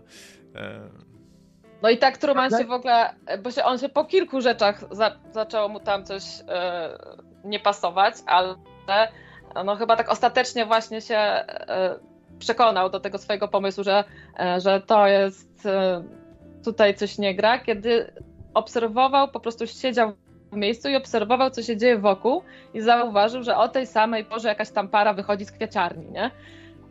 Ale z kolei ja to też tak odebrałam, że nasze życie często też jest właśnie takim krążeniem w kółko i od, odwzorowywaniem tych samych schematów, tych samych zachowań, tych, tych samych czynności, nie? E, Jak także, najbardziej. no. Jak najbardziej. Y, Z tym, że y, tutaj, jeżeli chodzi o formę manipulacji, formie, fo, formę naświetlania tej osoby, tutaj można dyrygować tą osobą w tym momencie, w którym ona nie jest tego świadoma. Ale jeżeli ta osoba zdaje sobie wtedy sprawę, że ona jest monitorowana, ona jest nagrywana, ona jest y, inwigilowana, w tym momencie następuje tak zwana świadomość. To jest przeskok. Świadomość. Tak zwana, y, tutaj mogę kolokwialnie powiedzieć, ludzie śpią. A jeżeli ci ludzie się obudzą i zaczną y, na przykład, y, no tutaj ja daję na, przykłady, na, na przykładzie y, filmu, filmu Truman Show, jeżeli ludzie są w stanie dostrzec to, że są monitorowani, no to wtedy przechodzą na wyższą tak zwaną świadomość, a konkretnie rzecz biorąc jaźń. Jaźń. A tutaj wtedy, wtedy następuje taki przes, przeskok energetyczny. Oj, to już jest, to już jest, przepraszam, to już jest dla zawodowców. Yy, przeskoki energetyczne, częstotliwości, czakramy, to, to już tak, w tak zaawansowane rzeczy się nie, nie pakujmy, prawda, proszę Państwa. No, słuchaj, Marcinie, dziś takie już krótsze trochę telefony to raz, a dwa, że powoli, wiesz, już dwie godziny, to tak yy, nie wiem, jak tam Ania z czasem stoi. Yy, ja też mam trochę robotę, tak więc dzięki za telefonik, trzymaj się i do następnego. Cześć Marcin. Dziękuję bardzo. Dziękuję bardzo. Jeszcze raz powtarzam. Przeskok energetyczny, a konkretnie rzecz biorąc świadomości, a czytaj dalej jaźni. Jaźń. Świadomość. No to, to, to już zbyt zaawansowane. Dobrze, dziękujemy. Do usłyszenia. Dziękuję bardzo. Dla mnie... Cześć, cześć, dzięki. Ja to bym uprościła trochę. Dla mnie to jest wybór po prostu między większym bezpieczeństwem, a mniej mniejszym bezpieczeństwem, nie? No bo to e, ta kontrola e, to, to niby dajemy się kontrolować po to, żeby być e, bardziej bezpieczni, nie? I pytanie, na ile jesteśmy z tego bezpieczeństwa w stanie zrezygnować, żeby właśnie być bardziej wolnymi. To pytanie pada też, bardzo ważne jest to pytanie w cyberpunku tym, bo tam jest, czy chcesz żyć długo i spokojnie, czy krótko i zginąć śmiercią bohatera, nie? No właśnie. I tutaj to pytanie też ten Krzysztof, e, no bo już jak Truman, właśnie tak jak widzicie tutaj na ekranie, Truman dopływa tam do skraju tej kopuły, e, no to Krzysztof już jak przemawia do niego tam z góry, jak, jak sam stwórca e, i próbuje go namówić, żeby jednak został w Sea Heaven. Tłumaczy mu, że tutaj jest gwiazdą, że tam czeka na niego paskudny świat. I jest właściwie na 99% przekonany, że Truman wybierze tą swoją celę. E, no ale nie. E, Truman e, porzuca to bezpieczne, ale nudne Sea Heaven. A to tego fotosa dorzuciłam, bo to jeden z małych dwóch akcentów polskich w tym filmie. Uważam, że Truman Show i tymi schodami inspirowali się twórcy pomnika smoleńskiego w Warszawie. O proszę. No właśnie, tak, tak no, no, widać podobieństwo. E, a zwróćcie uwagę, że dzisiaj bardzo kulturalny telefon Marcina e, nie przerywał. E, oczywiście musiała się pojawić łódka Santa Maria i konopie. E, grzyb, ale grzyba już nie było i, i jeszcze kilka innych ciekawych tu e, rzeczy powiedział. Podzielił się swoją tu opinią e, i, i kultura była.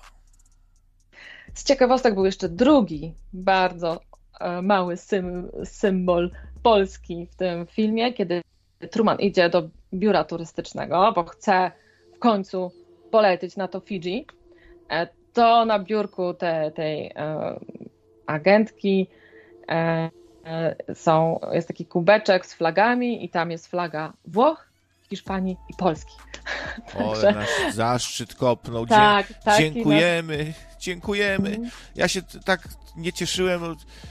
Teraz Marcin Dorociński, y, nagłówek na portalu. Marcin Dorociński zdobywa świat, tam Hollywood, świat filmowy. E, w trailerze Dorocińskiego jest półtorej sekundy i patrzy tak z podełba. Y, I, I tyle jest Dorocińskiego, tak zdobywa świat filmowy. A, bo to jakaś y, koreańska produkcja, czy, czy, czy coś takiego, no, jakiś taki film akcji, no a Dorociński się nawet fajnie bije. On tak się bije aktorską, takie różne ma tam pozy, coś tutaj, nogą w wywinie. E, I, I nawet e, spoko, on się nadaje do filmów akcji. Pytanie, czy on coś trenował, na przykład e, w międzyczasie. No, jak się szykuje na, na Hollywood, to może trenuje coś sobie. Jakby Czy- jeszcze znaleźć jakieś rzeczy, po których Truman się zorientował, że coś tu nie gra, to ten product placement hamski, który uprawiała ta jego e, żonka, uprawiała, tak, e, to, to go tak e, też poraziło, e, że oni tutaj niby się sprzeczają, a ona nagle, nagle wyjeżdża z jakimś kakao, e, najlepszym na świecie, który zawsze pije codziennie. E, No i tak sobie pomyślałam, czy my jakiś product placement robimy w nocnym radiu. No i stwierdziłam, że jesteśmy strasznymi frajerami, bo robimy, ale nic za to nie dostajemy, nie? E, Bo ty, krawiec, notorycznie reklamujesz jakieś energetyki, pizzę hawajską, kurcze pieczone, a, a zakładam, że żadnych profitów z tej racji nie masz, nie? No nie, no właśnie, trzeba się wziąć za siebie. E, mu, gadałem już ze Zdzich Polem, będzie Musztarda Sarepska, następnym sponsorem odcinka. Ludzie tam mają jakichś sponsorów, jakieś banki, jakieś tam akcje, coś, jakieś e, wyszukiwarki, e, technologie, a ja będę Musztardę reklamował sobie już. A Gregor von Braun mnie prostuje, że już w tytusie Romku i Atomku był projekt schodów donikąd, O. który posłużył jako wzór architektom projektującym pomnik smoleński. Faktycznie było coś takiego. Mhm. O proszę. E, schody donikąd albo dziu, e, przenośna dziura też jest dobra. Jest też pytanie od Tomisia, kiedy kubek Nocnego Radia będzie dostępny. Na razie jest dostępny tylko gronu redakcyjnemu, a żeby był dostępny szerszej publiczności, no to wiecie, do kogo Wie, się wiecie, jak to, wiecie, jak to jest. Wiecie. No. Ej, Dobra, kto chce bardzo kubek, to do mnie na priv na Skype'ie, to ja wam to załatwię. Z okazji świąt. E, jeszcze, jeszcze jedno pytanie, e, kiedy tego Trumana oglądałam, to to, czy, czy znalazłoby się łatwo chętnych do udziału w czymś takim, nie? W sensie, e, żeby być statystami w takim show.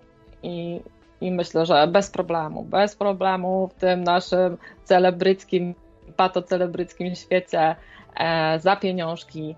E, oni tam wszystko, wszystko zagrają. Każdy alkohol, tak w naszym e, polskim Truman Show to przede wszystkim byle, było, był product placement jakiejś wody, e, piwska e, i to, to by królowało, Ale- nie? ale ja- Kiełbasa, właśnie, tak. musztarda.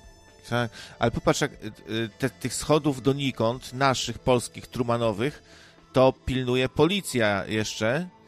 Inni y, i tylko wybrańcy pod te schody mogą przychodzić z kwiatami, a, a tłuszcza tam się gromadzi, chce, i, a tu pałą, bo nie, oni nie mogą do tych schodów donikąd wejść. To one są dla wybranych tylko, te schody donikąd. Mhm. E, Co chyba by było na tyle o Trumanie. No, kto dawno oglądał, to gorąco polecam sobie to odświeżyć, e, bo na pewno inaczej się to ogląda teraz, po tych 20 już 5 latach, e, niż to tam się oglądało tam pod koniec lat 90., e, na początku lat 2000. E, Bo nas, bo zaskakująco bardzo się przybliżyliśmy właśnie do takiego świata. E, A chciałam wrócić do jakichś starszych filmów, a do jednego konkretnie, e, do Bez lęku z Jeffem Bridgesem. E, I ciebie też, Krawiec, już zachęcałam, jeszcze raz zachęcam do obejrzenia tego filmu. Jeff E. Bridges, Jeff Bridges, czyli po polsku mostowiak, tak? E, tak. Nie wiem, czy tam, jak to na polski ten Jeff by przetłumaczyć, ale może, mo- może być jakiś tam, nie wiem, Janusz Mostowiak. O, Halina. Okej. To jest y, ten mąż Haliny Mostowiak i też zginął w kartony wpadł. Też taką samą śmiercią. W, wypadek samochodowy, tragedia. E, Zwłaszcza dlatego ci polecam, bo tutaj z głównym bohaterem możesz poczuć naprawdę bliską więź, bo on też uratował dziecko, a dokładnie dwoje dzieci O. z katastrofy lotniczej. Też bohater, no proszę. Tak, także taki e, super bohater e, przeżywa tą katastrofę lotniczą e, i taka dziwna reakcja u niego następuje, bo on przestaje się czegokolwiek bać. Twierdzi, że po prostu Bóg nie jest w stanie go zabić, bo on sobie tutaj leciał do Houston ze swoim wspólnikiem w interesach i wspólnik zginął śmiercią tragiczną, a on przeżył. Czyli wniosek, tak, tam wielu lu- pasażerów tego e, lotu e, straciło życie, e, trochę się uratowało, no ale on stwierdził, że nie, nie, nie, no tutaj po prostu Bóg po prostu nie da mu rady, więc on zaczyna takie ryzykowne życie prowadzić dosyć. To jest film z 93 roku i, i głównym tutaj bohaterem jest właśnie Jeff Bridges, którego widzicie tam w lewym dolnym rogu planszy. E, Jakbyś tam znalazł jakieś fotosy z tego filmu. E, już, już, e, a, e, e, e, co, gdzie, jak, jaki film? E, Bez lęku. Te bez lęku. E, Z takich e, aktorów na tym drugim planie, których też na pewno kojarzycie, to gra tam e, John Turturro. On gra doktora Perlmana, psychiatrę, terapeutę ocalały, ocalały z katastrof lotniczych, e, który jest zatrudniony e, przez te linie lotnicze, żeby właśnie e, z tymi, którym udało się przeżyć, tam, jakąś terapię prowadzić.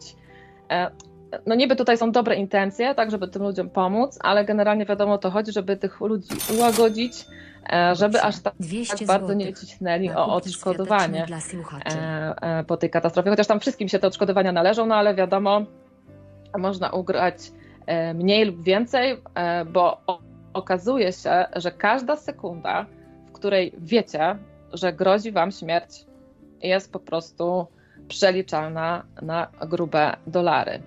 E, I e, Jeff Bridges jest postawiony w takiej sytuacji, e, że musi odpowiedzieć właśnie e, adwokatom linii lotniczych, e, jak wyglądała śmierć tego jego przyjaciela.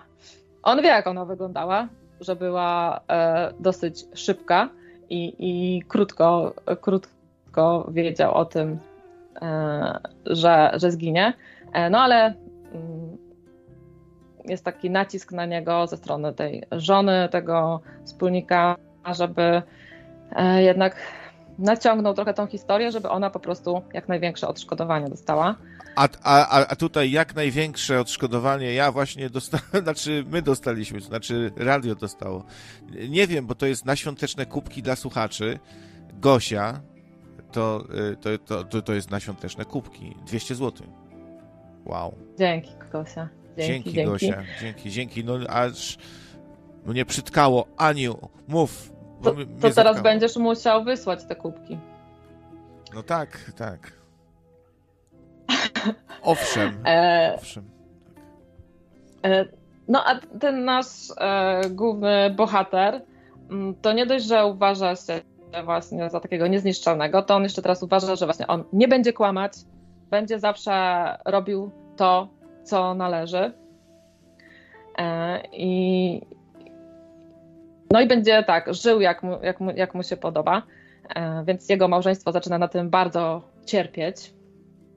E, bo coraz mniej e, czasu spędza właśnie z żoną, z synem, e, a znajduje w sobie takie powołanie, e, żeby innym, którzy ocaleli z tej katastrofy, pomóc, a konkretnie jednej dziewczynie, Carly Rodrigo, e, która w tej katastrofie straciła synka. No niestety nie wszystkich tam ten Jeff Bridges uratował, e, synka Carly nie uratował, ale teraz e, ona jest w ciężkiej depresji, chce umrzeć i, i w ogóle nie widzi tam celu e, w dalszym życiu, e, więc on się do niej zbliża niebezpiecznie e, i, i tutaj pracuje nad nią, e, żeby ją przeciągnąć e, do świata żywych.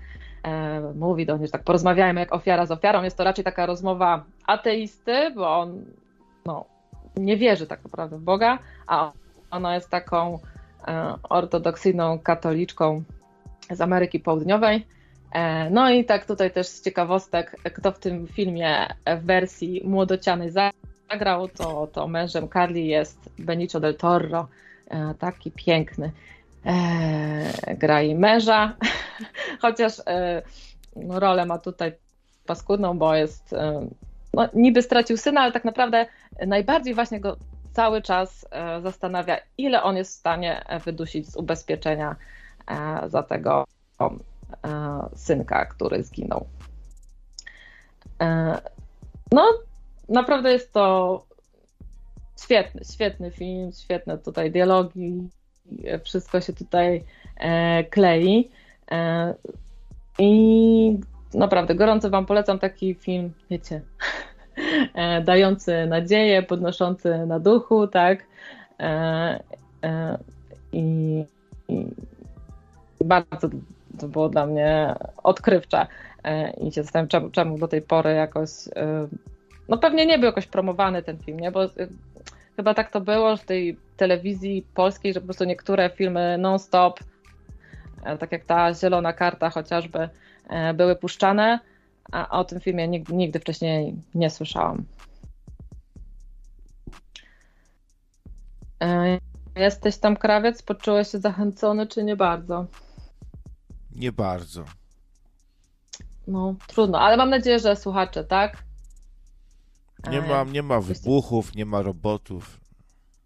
Nie no, był wybuch. No, właśnie od takiego wielkiego wybuchu się zaczęło, bo to była katastrofa lotnicza. Je, e, jeden tylko. E, tak, i potem właśnie takimi e, krzywymi, różnymi akcjami e, Jeff Bridges e, testuje i, i swoją wytrzymałość, właśnie wytrzymałość losu potencjalnego stwórcy no, można taki nawet świąteczny film, myślę. Bo to, to mógłby być w takim zestawie świątecznych filmów mm, o, o powrocie po prostu do normalności po takich ciężkich, dramatycznych przeżyciach. E, przypomniało mi się Dubliński ostatnio a propos świątecznych filmów. Sobie tak się rozmarzył. Kurde, fajnie tego Kevina będzie się znowu obejrzeć, jak on tych złodziejaszków tam w konia robi, te pułapki zastawia, takie sprytne, no. No tak, no Kevin sam w domu, no to wiesz, tak jak masz barszczyk, masz uszka i karpia, no to po tej całej kolacji wigilijnej obowiązkowo Kevin sam w domu na posacie. Pewnie, że tak trzeba to odhaczyć, bo inaczej Jezusek się nie urodzi. Halo. E, no dobra, słuchajcie. E, myślę, że zostały nam jeszcze na pewno dwa takie filmy, e, o których słyszę. O jednym na pewno słyszeliście, jeden na pewno widzieliście. Stowarzyszenie Umarłych Poetów. Krawiec, czy coś ci to mówi? O, to ja lubię takie. Lubię, e... lubię jak jest nauczyciel i musi e, się postawić i zdobyć pozycję w, w klasie, jak go tam. Bo ja lubię ten na początku sceny, jak mu tam zakładają kosz na śmieci na głowę, tam kopią go w tyłek, a on musi pokazać, że on jest wspaniały, taki mądry. Ja lubię takie. E, właśnie, na koniec dwa filmy. Jeden taki w męskim towarzystwie, a drugi, ostatni to będzie e, w damskim towarzystwie. Więc jesteśmy koniec lat 50. w Stanach Zjednoczonych. E, jest taka szkoła dla chłopców, Welton Academy, e, która jest uważana za taką najlepszą szkołę tam przygotowującą do studiów. E, mówią, że tam 75% uczniów tej, tej szkoły do, dostaje się tam do tej Ivy League, tak, czyli do tego Harvardu Yale, Princeton i tych innych tam ośmiu najlepszych uczelni w kraju. E, no i faktycznie mamy tam takich e, chłopaków e, z dobrych rodzin, ale też po prostu z takich ambitnych rodzin. Tam ci rodzice już mają na nich pomysł, tak każdy z nich wie, kim zostanie. Ten będzie lekarzem, ten będzie prawnikiem i, i mają się po prostu skupić na nauce i na wynikach. No, zaczyna się nowy semestr i dostają nowego anglista. Jest to John Keating, e, w tej roli Robin Williams. E, to chyba taka rola, która go tak wyniosła e, najbardziej. No i pan Keating ma takie nieortodoksyjne metody nauczania, bo on na przykład uważa, że szkoła powinna uczyć samodzielnego myślenia. Jest takim właśnie rebeliantem tam w tej szkole. Kiedy słyszy to dyrektor tej szkoły, to oburza się, że w ich wieku, żeby oni samodzielnie myśleli. Nie, absolutnie. To się, to się nie może zdarzyć. I właśnie widzicie tutaj E, pana Keatinga, czyli Robina Williamsa, z jego uczniami, czyli e, z tym Stowarzyszeniem Umarłych Poetów. E, po prawej, po prawej młody Ethan Hawke, ale głównym bohaterem tak naprawdę chyba jest tutaj po prawej na pierwszym planie aktor Robert Sean Leonard, który gra Nila Perego. No ten aktor jakoś e, nie odniósł jakichś tam potem większych sukcesów. Grywa w filmach, w serialach, on podobno w Doktorze House grał, e, ale jakiś tam taki, no, nie jest tak rozpoznawalny, wiadomo, jak Ethan Hawke chociażby. E, jak Etam? Etam Hawke, to ja wiem, to jest super bohater. Etam Hawke. No i wiecie, ten anglista no, pakuje różne takie szkodliwe hasła e, tym nastolatkom do głowy, e, typu właśnie chwytaj dzień, albo czyń swoje życie niezwykłym, rwijcie ruszponki póki młode, e, słowa i idee mogą zmieniać świat. No i oni, mm, część przynajmniej tych chłopców, mm, faktycznie bierze sobie to do serca i zaczyna E, te idee wcielać w życie. E, jeden z nich e, mm, to po prostu tam zakochuje się w jakiejś dziewczynie i, i mimo, że ona ma chłopaka i mimo, że to nie wypada, to on postanawia tam wyznać jej uczucie, więc to jest taki powiedzmy typ, no taki lightowy sposób na przekucie E, tych e, rad pana Keatinga w życie. E, no ale tutaj Neil, on ma taką pasję, którą skrywa w sobie do aktorstwa i, i, i dostaje główną rolę w spektaklu Sen Nocy Letniej, który właśnie zostaje wystawiany przez jakiś tam amatorski teatr. No ale robi to w ukryciu przed ojcem, tak? Bo ojciec mówi: Ja płacę, ja wymagam, masz chodzić tylko na te zajęcia, e, które są potrzebne do tego, żeby tam zostać tym lekarzem i dobrze zdać te egzaminy wstępne. No, co ciekawe, ten pan Perry jest e, no, bardzo zasadniczy. E, nawet sam syn mówi do niego ser, po prostu mówi do niego tak, proszę pana, nie? Także macie e, pojęcie jak właśnie wygląda to życie w latach 50. w takich surowe wychowanie. No i ten aktor właśnie to jest dla mnie taki też mistrz drugiego planu, bo wiem, że kojarzę go z wielu filmów, ale oczywiście nigdy bym nie, nikt z nas nie wie, jak on się nazywa, ale ja dzisiaj powiem to, że on to jest Kurtwood Smith. No i już tam nie będę zdradzać, no pewnie część z Was pamięta, jak, jak to się kończy, e, ale tak, Neil e, przygotowuje się do tej roli e, i, i bierze udział w tym spektaklu, mimo, no wbrew ojcu, tak, wbrew ojcu mm, anglista tłumaczy mu, że jesteś jego synem, a nie jesteś jego sługą, no i Neil sprzeciwia, sprzeciwia się ojcu.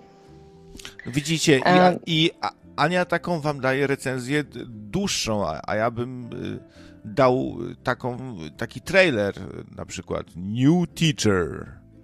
New. E, co, e, no, e, coś jak trailer filmowy bardziej.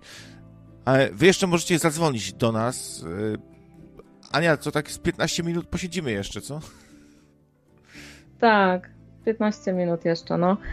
E, no to mm, fajne te lekcje prowadzi ten Keating faktycznie. Najciekawsze chyba jest wtedy, kiedy on uczy tych chłopaków, e, jak rodzi się konformizm. E, to jest taka lekcja dziwnych kroków.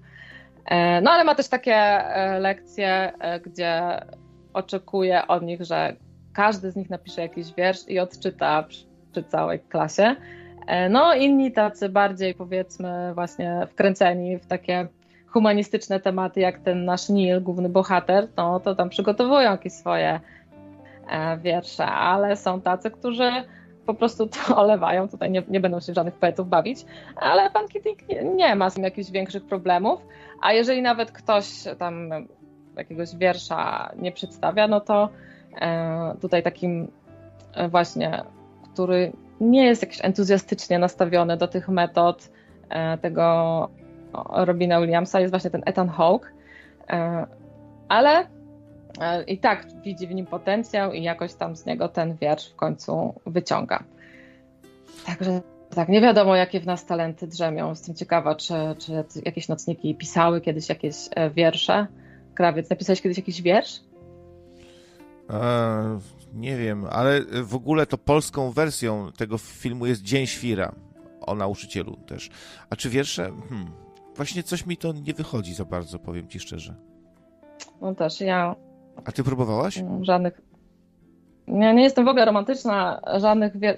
Jedyny wiersz, jaki napisałam, tak sobie przypomniałam, to było w liceum na lekcji języka niemieckiego i to było coś o jedzeniu. Tak, o największej miłości mojego życia, czyli o jedzeniu.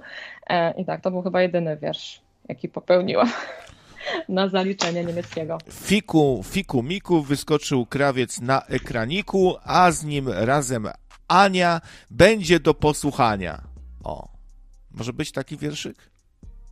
E, może być, może być. E, ja się, bo są te remake tych filmów e, różnych. Mamy teraz od stycznia wchodzi nowy Pan Kleks. Jakbyście Mój idol, się... mój idol. Mów, mów, Aniu, co, co tam wiesz nowego? Znaczy, nie, o, nowy, o panu Kleksie nie chcę teraz, bo niech on najpierw wejdzie, obejrzyjmy go sobie e, i wtedy sobie pogadamy. E, ale wiesz, wiedząc to, co wiemy, tak, że teraz są dziewczynki, a nie chłopcy, e, to, to moglibyśmy tak pospekulować, jakby takie stowarzyszenie umarłych poetów nagrać teraz. No, no, na pewno nie mogłoby być to tak, jak tu jest, że są sami, biali, dobrze zbudowani chłopcy, nie? Trzeba by tu, dużo by tu trzeba pozmieniać. Czarni chłopcy muszą być i kocie ruchy. I, I, muszą wołać do nauczyciela Yo, motherfucker, man! What are you doing here, bitch, man? I kill no. you, man! Także tak, e, stowarzyszenie umarłych poetów. To gejem, taki, gejem e... mu, musi być jeden z uczniów, musi być gejem, drugi musi być trans, trzeci musi być bi, les. No to trzeba dopracować jeszcze. E, świat chłopięcych marzeń, e, jakichś takich e, właśnie konfrontacji tego, co by się chciało, a tego, co trzeba, tych powinności w stosunku do rodziców. Jest tam jeszcze jeden bohater, który z kolei pod wpływem tych lekcji z tym anglistą odkrywa w sobie taką duszę takiego rewolucjonisty.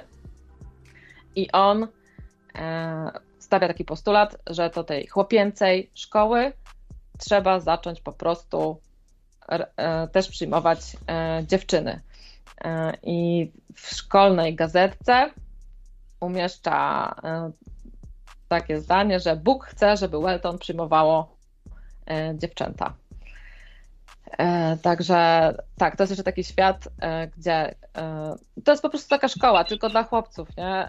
Równolegle widzimy szkołę, gdzie normalnie zajęcia toczą się koedukacyjnie, dziewczyny z chłopakami, a, a tutaj sa, sami chłopcy. No i jak to się kończy, to się kończy tak, że jak tylko widzą jakąś dziewczynę, to po prostu dostają małpiego rozumu. A tutaj połączył się z nami ponownie Marcin. Cześć. No siema, to ty, przypadek, przypadek. Y, ogólnie ja wolę słuchać niż mówić, więc y, ja tutaj posłucham.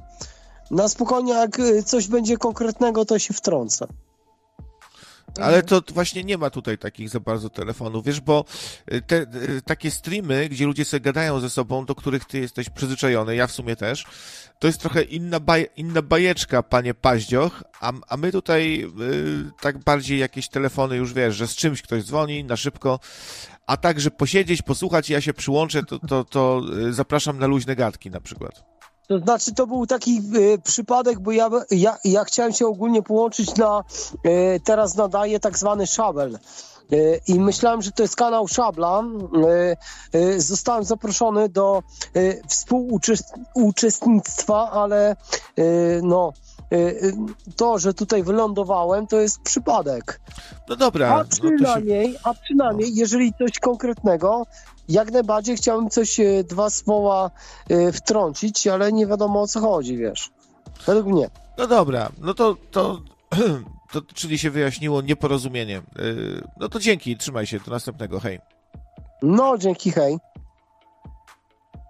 Okazuje się, że Gosia pisała wiersze e, i, i też pisała listy do świętego Mikołaja i mówi, że był jeszcze jakiś jeden dobry film z jakimś bardzo znanym aktorem.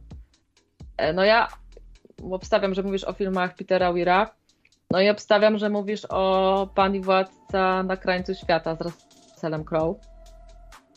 E, ale potwierdź, co miałaś na myśli. A Wiesław Paleta pisze, że krawiec siedzi tu jak za karę. No, zgadza się. Ja Zgadza tak, się. ja tak brzmię Dlatego tylko, ja tak brzmię, od- bo mnie ten chudzik znów, znów denerwuje.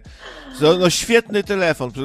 No tak, za, nie, bo ja tu niechcący, a szabel, szabel, no, po prostu chciałem, kurde, nie dość, że krypciocha, e, jakiś gapowaty z, z kieszeni zadzwonił, nie wie o co chodzi, to ja se tu posiedzę, nie? Jaki gość w ogóle? E, No, Marcin towarzyski chłopak. Mm, Ale tak, no jak- coś, to na, na ten, na spoilera to z jakimiś konkretami o filmach. E, Może właśnie ktoś z Was pamięta te, to Stowarzyszenie Umarłych Poetów. No to już jest e, taki film, który może, może się powinien doczekać właśnie jakiegoś remake'a, unowocześnienia, bo to jest 89 rok. Ja jak to oglądałam, to no nie wiem, pewnie to było gdzieś w latach 90. e, To miałam jakieś tam pewnie z 12-13 lat. E, No ale wtedy na mnie też już duże wrażenie zrobił ten film. E, No i teraz, teraz też. Taki do, jest naprawdę hmm, mm, mag, magiczny. I o, ale mamy też na antenie Naj, najbardziej kulturalnego człowieka na polskim YouTubie. Witamy. Dzień dobry, dzień dobry, witam Państwa redaktorów, witam właściciela kanału, operatora myszki i klawiatury, witam szanowną panią Anią też, tutaj panią redaktorkę. Ja mam pytanie do pani E. Ani. E, co pani lubi jeść? A, prawie wszystko. E, Dzisiaj i wczoraj lubię jeść gołąbki, bo gołąbki zrobiłam. Gołąbki, o, no to, to, to, no to miło rzeczywiście, no, bo pani mówi, że to pani największa miłość życiowa, tak? Mhm. Jedzenie. Mhm. Jedzenie mnie jeszcze nigdy nie zawiodło. No, czasami zawodzi, ale to, to z jakiegoś niepewnego źródła, ale generalnie tak. A, te gołąbki to z czym? Z, z ryżem czy z kaszą? A, a, a coś na temat? A coś na temat, szanowny panie, na steropianie? No nie, no najpierw się chcę dowiedzieć o ten, no, o tutaj gusta kulinarne. Pani Ani. Ale to nie jest audycja randkowa, tylko filmowa. Dzisiaj twórczość Petera Weira. Aha, to ja nawet nie wiem, kto to jest. Myślałem, Ale że tak o Michał- filmu gadanie. Nie, tak gadamy o takie, wiesz, no wiadomo, że nikt nie pamięta, ja, nikt nie pamięta filmów po reż- konkretnego reżysera, tylko pamiętasz po prostu tych aktorów i, i Aha. ewentualnie tytuły tych filmów. E, no i tutaj ci gadaliśmy o tym Truman Show, e, Stowarzyszenie Umarłych Poetów. Coś z tego widziałeś? No właśnie widziałem ten Truman Show i się zastanawiam, czy się, czy się zastanawialiście nad tym, czy ten film nie jest metaforą po prostu. Bo ja miałem takie wrażenie właśnie, że o pewnych rzeczach na przykład nie mówi się wprost, nie można ich wprost powiedzieć, tylko ale można już pokazać na przykład, nie? Na zasadzie takiego dzieła. I czy to nie jest właśnie metafora życia kogoś takiego, kto jest jakby powiedzmy mm, nieświadomy, jak świat rzeczywiście funkcjonuje wokół niego, nie? Na przykład. Mm. No, od zawsze różni twórcy się zajmują właśnie e, tym, żeby nam pokazać te rzeczy, co trudno słowami może. To on, Mhm. to on pokaże obrazem. E, wiesz, no ktoś tam filozofię uprawia sobie, ktoś pisze książkę, ktoś to ekranizuje. Ja myślę, że jakieś takie naczynia połączone ci twórcy różni wszyscy, nie? I coś nam chcą przekazać, wszyscy chcą nam coś przekazać. No ale można to rozumieć też tak bardziej y, spiskowo już trochę, że ktoś, No ktoś wyżej chce nam coś przekazać. Jakby dwie różne, dwie, dwie różne sprawy trochę, nie? Panie profesorze. No ja, ja wiem, że ja zabrzmię trochę jak, jak głupek trochę, ale nie wiem, czy pamiętacie, opowiadałem, że na przykład mi się wydawało, że za mną ludzie łażą jacyś, że mnie nagrywają i tak dalej, i tak dalej, nie? I to mi tak właśnie bardzo przypomina tą sytuację z tego Truman Show jednak, nie? Bo później ja to sprawdziłem i się okazało, że wcale mi się nie zdawało, nie? Tak jak temu Trumanowi trochę, bo tam też miał, widzisz, jakieś sytuacje aranżowane takie w życiu, że właśnie o, ktoś specjalnie koło niego przechodził, mówił dzień dobry, ktoś tam do niego po, po, tam, nie wiem, z jakimś tematem przychodził, pogadać specjalnie o czymś rozumiesz, nie? I to mu się takie Tak, już tak. dziwne zaczęło wydawać, nie? Tak, zwłaszcza właśnie jak coś, coś tu niby przy okazji opowiedzieć o jakimś produkcie. No można to tak właśnie odebrać jako metaforę, że ten Truman to jesteśmy my, jako społeczeństwo, a właśnie sterują, jak, sterują jakieś korporacje, nie? które nam coś tam e, podtykają, kontrolując nas właśnie e, przez internet. E, podtykają nam, o kup sobie dzisiaj to, a może to. Em, Ale Mhm. właśnie kim by miał być ten Truman, nie? Że ktoś wydał na... No to jest, wiesz, w cholerę wysiłku włożenie w to, wiesz, żeby, żeby, żeby człowiekowi tak jednemu całe miasteczko tam rzeczywistość, percepcję okształtowało, że tak powiem, nie? Kto to mógłby być i po co miał to robić? Panie, panie, my wszyscy to takie trumany. Wy to No dla mnie ten Truman to jesteśmy my wszyscy, nie? A No. wszystko jest ku, ku chwale i ku przychodom i zyskom korporacji. I, I tak to jest ustawione, e, żeby po prostu oni zarabiali jak najwięcej. Żebyśmy się też bali, żebyśmy się też właśnie bali, tak, żeby się nie sprzeciwiać tym korporacjom, e, żeby chodzić tak, jak oni nam tutaj zaplanowali, nie? Pod kontrolą cały czas, nie? Mm, No, żeby No. się nie wychylać. W ogóle ja tego Trumana szukałem kiedyś i nie mogłem nigdzie znaleźć. Gdzie to można obejrzeć teraz? E, Gdzie ja obejrzę? Powiem tak, od razu. Wiem, gdzie Rok Niebezpiecznego Życia, Bez Lęku, e, wysp, e, tą Wyspę Moskitów. To można wszystko obejrzeć sobie, czy Świadka właśnie, można sobie obejrzeć na CDA z lektorem po staremu i tam są dobre, do, dobre wersje tych. A Truman Show. Mm, No widzę, widzę, że też jest, widzę, że też jest chyba na CDA, ale premium. Bo No. A, premium. A, to trzeba płacić za to. Aha, aha. Stowarzyszenie Umarłych Poetów to chyba oglądałam na Disneyu. Na Disneyu Stowarzyszenie Umarłych Poetów. Jak to jest na Disneya. Aha. A za Truman Show y, to trzeba, żeby być, y, tak powiem, y, w zgodzie z korporacjami, to trzeba 10 zł zapłacić, chyba, żeby obejrzeć.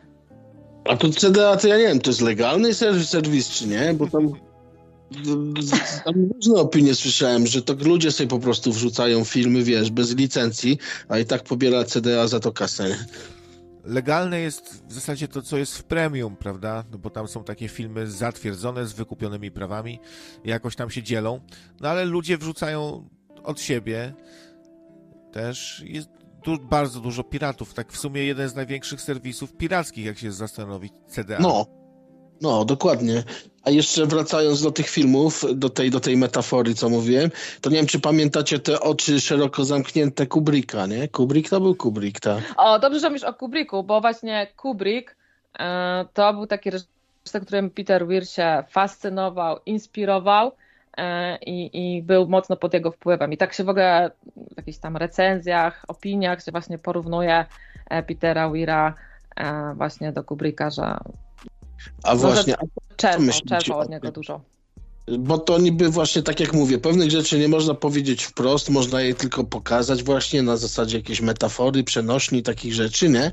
No i co, Kubrick wypuścił te oczy szeroko zamknięte. Tam podobno I nie ma nie wiem, ze Kubricka. 30 minut, no ze 30 minut to podobno jest wycięte w ogóle z tego filmu, bo, bo nie chcieli dopuścić tego wszystkiego do emisji, tak? I potem Kubricka, wiesz, parę, dni- parę dni, jakoś tak, no niedługo po tym, nie? Po emisji tego filmu wśród żywych zabrakło.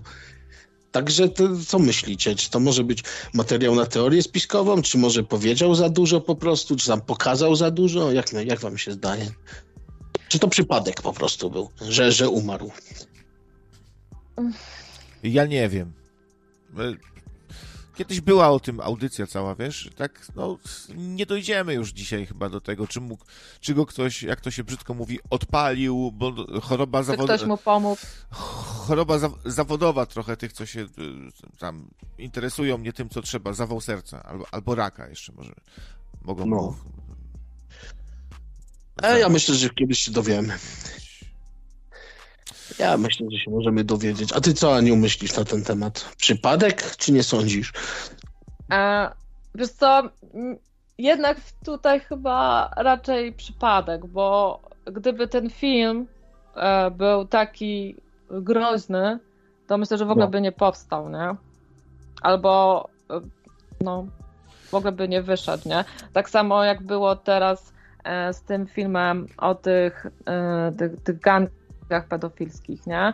No to ten film został po prostu zatrzymany, tak? Został wstrzymany na etapie tej produkcji i po prostu nikt go nie wypuścił. Który A- film? Kurczę, teraz sobie nie przypomnę tego tytułu. Mówisz o tym filmie Wegi? Nie, nie, nie, nie, nie, nie, nie. Aha. Bo był taki podobny film, znaczy podobny, no ten podobny to nie można go nazwać, ale plot był mniej więcej podobny, że też był film tego Wegi, nie? Co tam Adamczyk grał, tego policjanta. Co Tam dziewczynkę jakąś porwali i potem on tam ileś tam, nie wiem, z 20 lat, no nie, z 20 to przesadzam, ale z 10 lat tam spędził na rozwikłaniu tej sprawy i tam też było podobne środowisko pokazane do tego, co było u Kubricka, nie? mhm. No, trzeba by się zastanowić y, na, na spokojnie, na ile ten film faktycznie coś pokazuje takiego wielkiego, co miałoby, miałoby ujawnione być. No tam mamy jakichś takich masonów, masonów, y, To nie są masoni, nie, nie. To, to jakieś sataniści po prostu byli, którzy, wiesz, działają w ukryciu i nie chce im się tam pokazywać publicznie, nie? nie, Żeby nie wiem czy jest. sataniści, a skąd wiesz, że sataniści? Bo No w szatach. tam, To byli sza, szataniści, bo w szatach no, chodzili. podobne, podobne te, podobne praktyki, jak tam były pokazane, no to też w, w świątyni Seta się praktykuje właśnie też czarne takie msze z gołymi kobietami, wiesz, z cycami na wierzchu, picie wina, takie rzeczy. No to to są świątynia Seta, nie? Takie rzeczy praktykuje. Do, dobra, to jest fajny temat. Może sobie do niego na spokojnie wrócimy w jakiejś audycji, e, gdzie będziemy sobie. Możemy wziąć po prostu ku, Kubricka znowu na warsztat i o, o nim tylko pogadać sobie. To by było spoko, nie? Mm. No, A ten film o tej siatce pedofilów to Sound of Freedom. I on właśnie został wyprodukowany, a potem mm, wstrzymany, nie? Znaczy nawet się nie E. dziwię, że wstrzymali, no. To Takie No, jest i, o, kategoryka. e, I ostatecznie twórcy tego filmu zebrali po prostu e, wiesz, na jakiejś tam zrzutce w Stanach pieniądze, żeby odkupić, odkupić prawa do tego filmu i ten film. E, i sobie tak takim swoim sumptem e, wypuścili chyba po pięciu latach od produkcji ten film teraz. W wakacje. Mi się wydaje, że, No on- że mi się wydaje, że myślenie ludzi bardziej zmieniają, wpływają na ludzi. Takie filmy, nie wiem, jak Matrix, nie? Do świadomej jakiejś. Taki w ogóle Kubrick jest mało znany na przykład w Stanach. Oni go tam nie kojarzą chyba za bardzo, nie? I nie wiem, czy na, czy na świecie Kubrick był aż tak bardzo popularny. No, ten temat tego lądowania, że on uj- ujawnia, że nie było lądowania na Księżycu, bo tam są jakieś zn- znaczki przypominające logo NASA. To może być naciągane trochę też, nie? Takie rzeczy. No, ja myślę, że szczury, wiesz, gdzieś coś zobaczą i zaraz wielkie teorie zaczynają z tego robić, to jest niesprawdzone, wiadomości to są, ale jak już, wiesz, plotka się za szybko rozniesie, to później, wiesz, środowiska szurskie myślą już, że o, człowieka na Księżycu nigdy nie było, bo, bo film z żółtymi napisami widziałem, nie? Takim, e, ta, takim filmem, co, e, co dopiero właśnie może mocno na ludzi wpływać, to ja myślę, że bardziej Fight Club na przykład. Fight Club? No bo to jest taka wła- właściwie pochwała trochę an- anarchii, e, buntem, takim antysystemowym mocno podejściem. E, I tam właśnie jest wyskoczenie z tego wyścigu szczurów, szczurów przede wszystkim, nie? No to tutaj ktoś by mógł mieć obiekcję, żeby takie filmy ludziom pokazywać, nie? Jak Fight Club. Słyszałeś, jak w Chinach puścili ten Fight Club, co się, co się stało? Co było? Nie słyszałeś, jak tam, jak tam zmontowali film tak, że na końcu, wiesz, nie ma, tej, nie ma tej sceny, jak te bomby wybuchają i te budynki spadają, tylko się wyświetla plansza i po chińsku jest napisane, że e, dzięki tam brawurowej akcji policji tam siatka została rozbita i tak dalej, naprawdę, nie? Takie coś?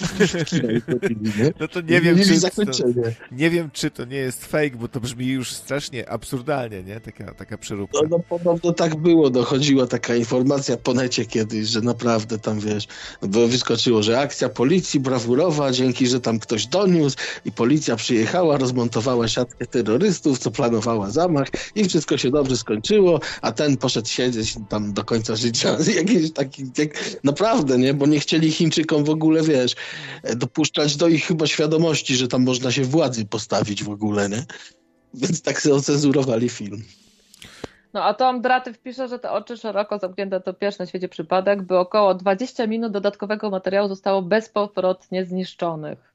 A każdy znaczący film posiada jakieś wersje kolekcjonerskie i jakieś tam reżyserskie wersje. No właśnie. No to ciekawe. No, ja myślę, że taki e, odcinek, jak robiłeś ostatnio Krawiec o, Polańskim, teraz w roli głównej z Kubrickiem, to, to chyba to byłby dobry pomysł. No, zawsze przy takiej okazji trzeba się też zapytać, czy na pewno zostały zniszczone, czy, to, czy taka informacja nie jest fejkiem. Ale to do, do zbadania jak najbardziej. Można by się znów przyglądnąć tajemniczej sprawie śmierci Kubricka, wybitnego reżysera. Tak, on był takim maestro, kurczę, takim, jakby to powiedzieć, no takim mistrzem po prostu, nie? Miał hopla na punkcie technikaliów, więc... Yy cholernie dobre, tak rzemieślniczo były w ogóle te jego, jego filmy, jeśli chodzi o w ogóle e, no praca kamery, wszystko, efekty, światło, wszystko zawsze u niego grało. Dobra, Michale, mm, dzięki za telefonik. Po, chyba się powoli będziemy zbierać. A będzie afterek jakiś na Discordzie, żeby... A nie, mnie tam nie ma już. Dobra, to nieważne, nic, to się ma. Trzymaj się, cześć, cześć. Trzymaj się, pa. E, To jeszcze kończąc, e, to Stowarzyszenie Umarłych Poetów, e, to jest fajny film, pokazuje jak ci młodzi ludzie pod wpływem właśnie takiego nauczyciela z pasją, oni wz- wrasta, wzrastają, nie? To, e, odkrywają w młodzi- sobie. Młodzi ludzie pod wpływem. Tak. Otóż to. A tutaj mieliśmy właśnie mm, szkołę dla chłopców e, i teraz opowiemy o takim przełomowym filmie e, Petera Weira, dzięki któremu jego nazwisko stało się znane, rozpoznawalne i od którego się zaczęła jego tak naprawdę kariera. E, to jest Piknik pod wiszącą skałą i tutaj mamy e, żeńską szkołę, taką pensję e, pani Appleyard i tam są takie dziewczyny z dobrego domu. To się dzieje w Australii. No i jest rok 1900, e, czyli początek XX wieku, dokładnie 14 lutego. E, I dziewczynki na okoliczność e, tego święta e, jadą po prostu na piknik właśnie pod taką wulkaniczną wiszącą skałę. I takie, taki, taki, taka, sen, taka senna, wiecie, le, senny, leniwy, ciepły dzień. One sobie tam jedzą jakieś ciasto, polegują trochę. E, no i kilka dziewczyn. E, aha, to właśnie jak można zniechęcić e, dzieciaki albo zepsuć im każde wyjście. Pani im tłumaczy, że one po tej wyprawie na, pod tą wiszącą skałę będą musiały jeszcze esej o tej skale napisać. Nie? Także nie to tak, że sobie po prostu jadą, żeby się zrelaksować. Jeszcze będzie potem o tym trzeba coś napisać. E, no i e, trzy dziewczyny e, decydują, że chcą po prostu sobie te skały tam pooglądać, pozwiedzać. I tak to się A- zaczyna, a a, pozwiedzać- mamy psycho. Tak, a pozwiedzać internet postanowił też psychonauta i do nas wpadł. Cześć. Cześć, cześć. Ja chciałem powiedzieć jeszcze coś o poprzednim filmie omawianym o Stowarzyszeniu Umarłych Czyli Poetów. osta- Przecież- O, to dawaj psycho. To przecież było takie nudne. Nas tu na siłę zaciągnęli gdzieś tam ze szkoły. To chyba każdy usnął pod koniec. Ale poczekaj, psycho, to jesteś tym samym psycho, nie? Który uważa, że wiersze powinny mieć rymy. Dobrze kojarzę? Tak. Słuchaj, wszystko kwestia inter... Właśnie, no, no... Co, co kto lubi, no widzisz. No. Także... Ale nie, no dobrze, abstrahując od tych wierszy. Ale to było nudne. Po prostu ten film był nudny. Cały. A Ja go mnie- później a gdzieś mnie oglądałem. Nie, wręcz przeciwnie. Trzymał w napięciu. Słuchaj, ile ty wtedy miałeś lat tego oglądałeś? Może spróbuj teraz, może teraz jesteś dojrzałym człowiekiem, który się Mm. interesuje na przykład tym, jak to dojrzewanie przebiega, e, jak Jestem- można właśnie... Jestem stary i nie będę mówił ile mam lat, bo mam więcej niż ty, ale to gdzieś w podstawówce to oglądałem, bo nas zaciągnęli na siłę do kina na ten film. Prawie wszyscy usnęli albo tam próbowali wyjść jakoś szybciej, a za, później, nie wiem, za 10 lat go obejrzałem w telewizji, nawet mi się nie chciało go oglądać do końca. Nie wiem, co było w tym fascynującego. Ja też. Może dla ludzi z ja tego pokolenia, co tam się wychowali w tych latach, to może był ciekawy. też uważam, że Rambo lepszy jest. Znaczy, Rambo moim zdaniem to w ogóle nie jest film dla dzieci. Jakiś tam, nie wiem ile byście wtedy mieli lat. Ty byłeś w liceum czy w podstawówce? Ja byłem w podstawówce wtedy. No nie, to na pewno nie jest film dla dzieci z podstawówki, mi się wydaje. Bo może być trochę za, za, za mocny jednak, nie? Ale później, później go próbowałem takie- obejrzeć. Prób, próbowałem go obejrzeć w telewizji, jak puszczali 10 lat później i też już jakoś jak w telewizji leciał. Eee, no tutaj właśnie się adwokat ze że kwestia interpretacji, tylko kwestia gustu. Eee, no ja wiem, że większość z was nie lubi takich filmów o życiu, nie? na przykład o chodzeniu do szkoły, o tym dojrzewaniu, e, o miłości, nie? o budowaniu jakichś relacji. No ja wiem, to, to może się wydawać e, w większości nudne, e, ale ci, co lubią takie dziwne tematy, mm, no to myślę, że powinni być zadowoleni. Ale nawet sama, wiesz, samo oglądanie, nie wiem, tego Robina Williamsa e, i tych chłopaków, jak oni sobie radzą w tych, e, w tych rolach, no nie wiem.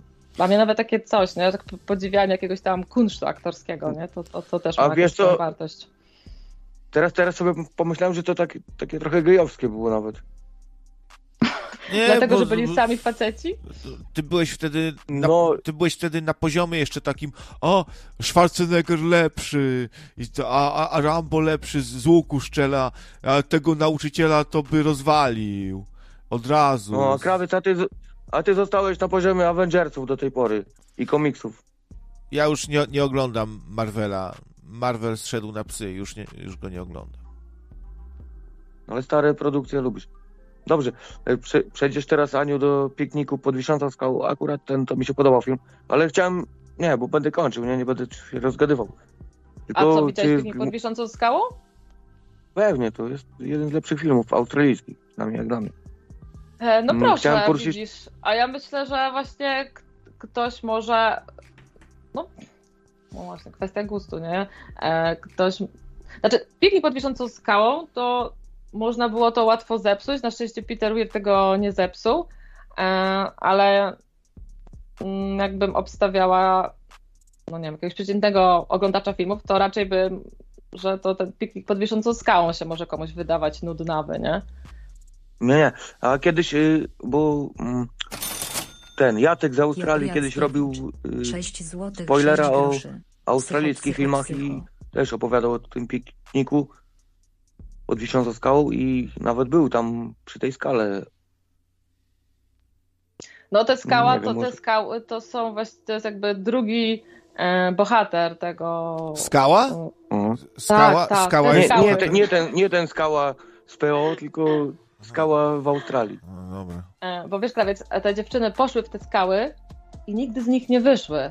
E, Jedną, co prawda, po tygodniu odnaleziono, a, ale reszta tam została. No, mo, moja e, sugestia jest taka, że one po prostu nie chciały pisać tego eseju, więc wo- wolały sobie tam e, po prostu zostać w tych skałach. E, Ale nie spoileruj od razu, nie wszyscy wiedzieli. Ale to jest stary film z 75 roku. A, a krawiec i tak tego nie będzie oglądał.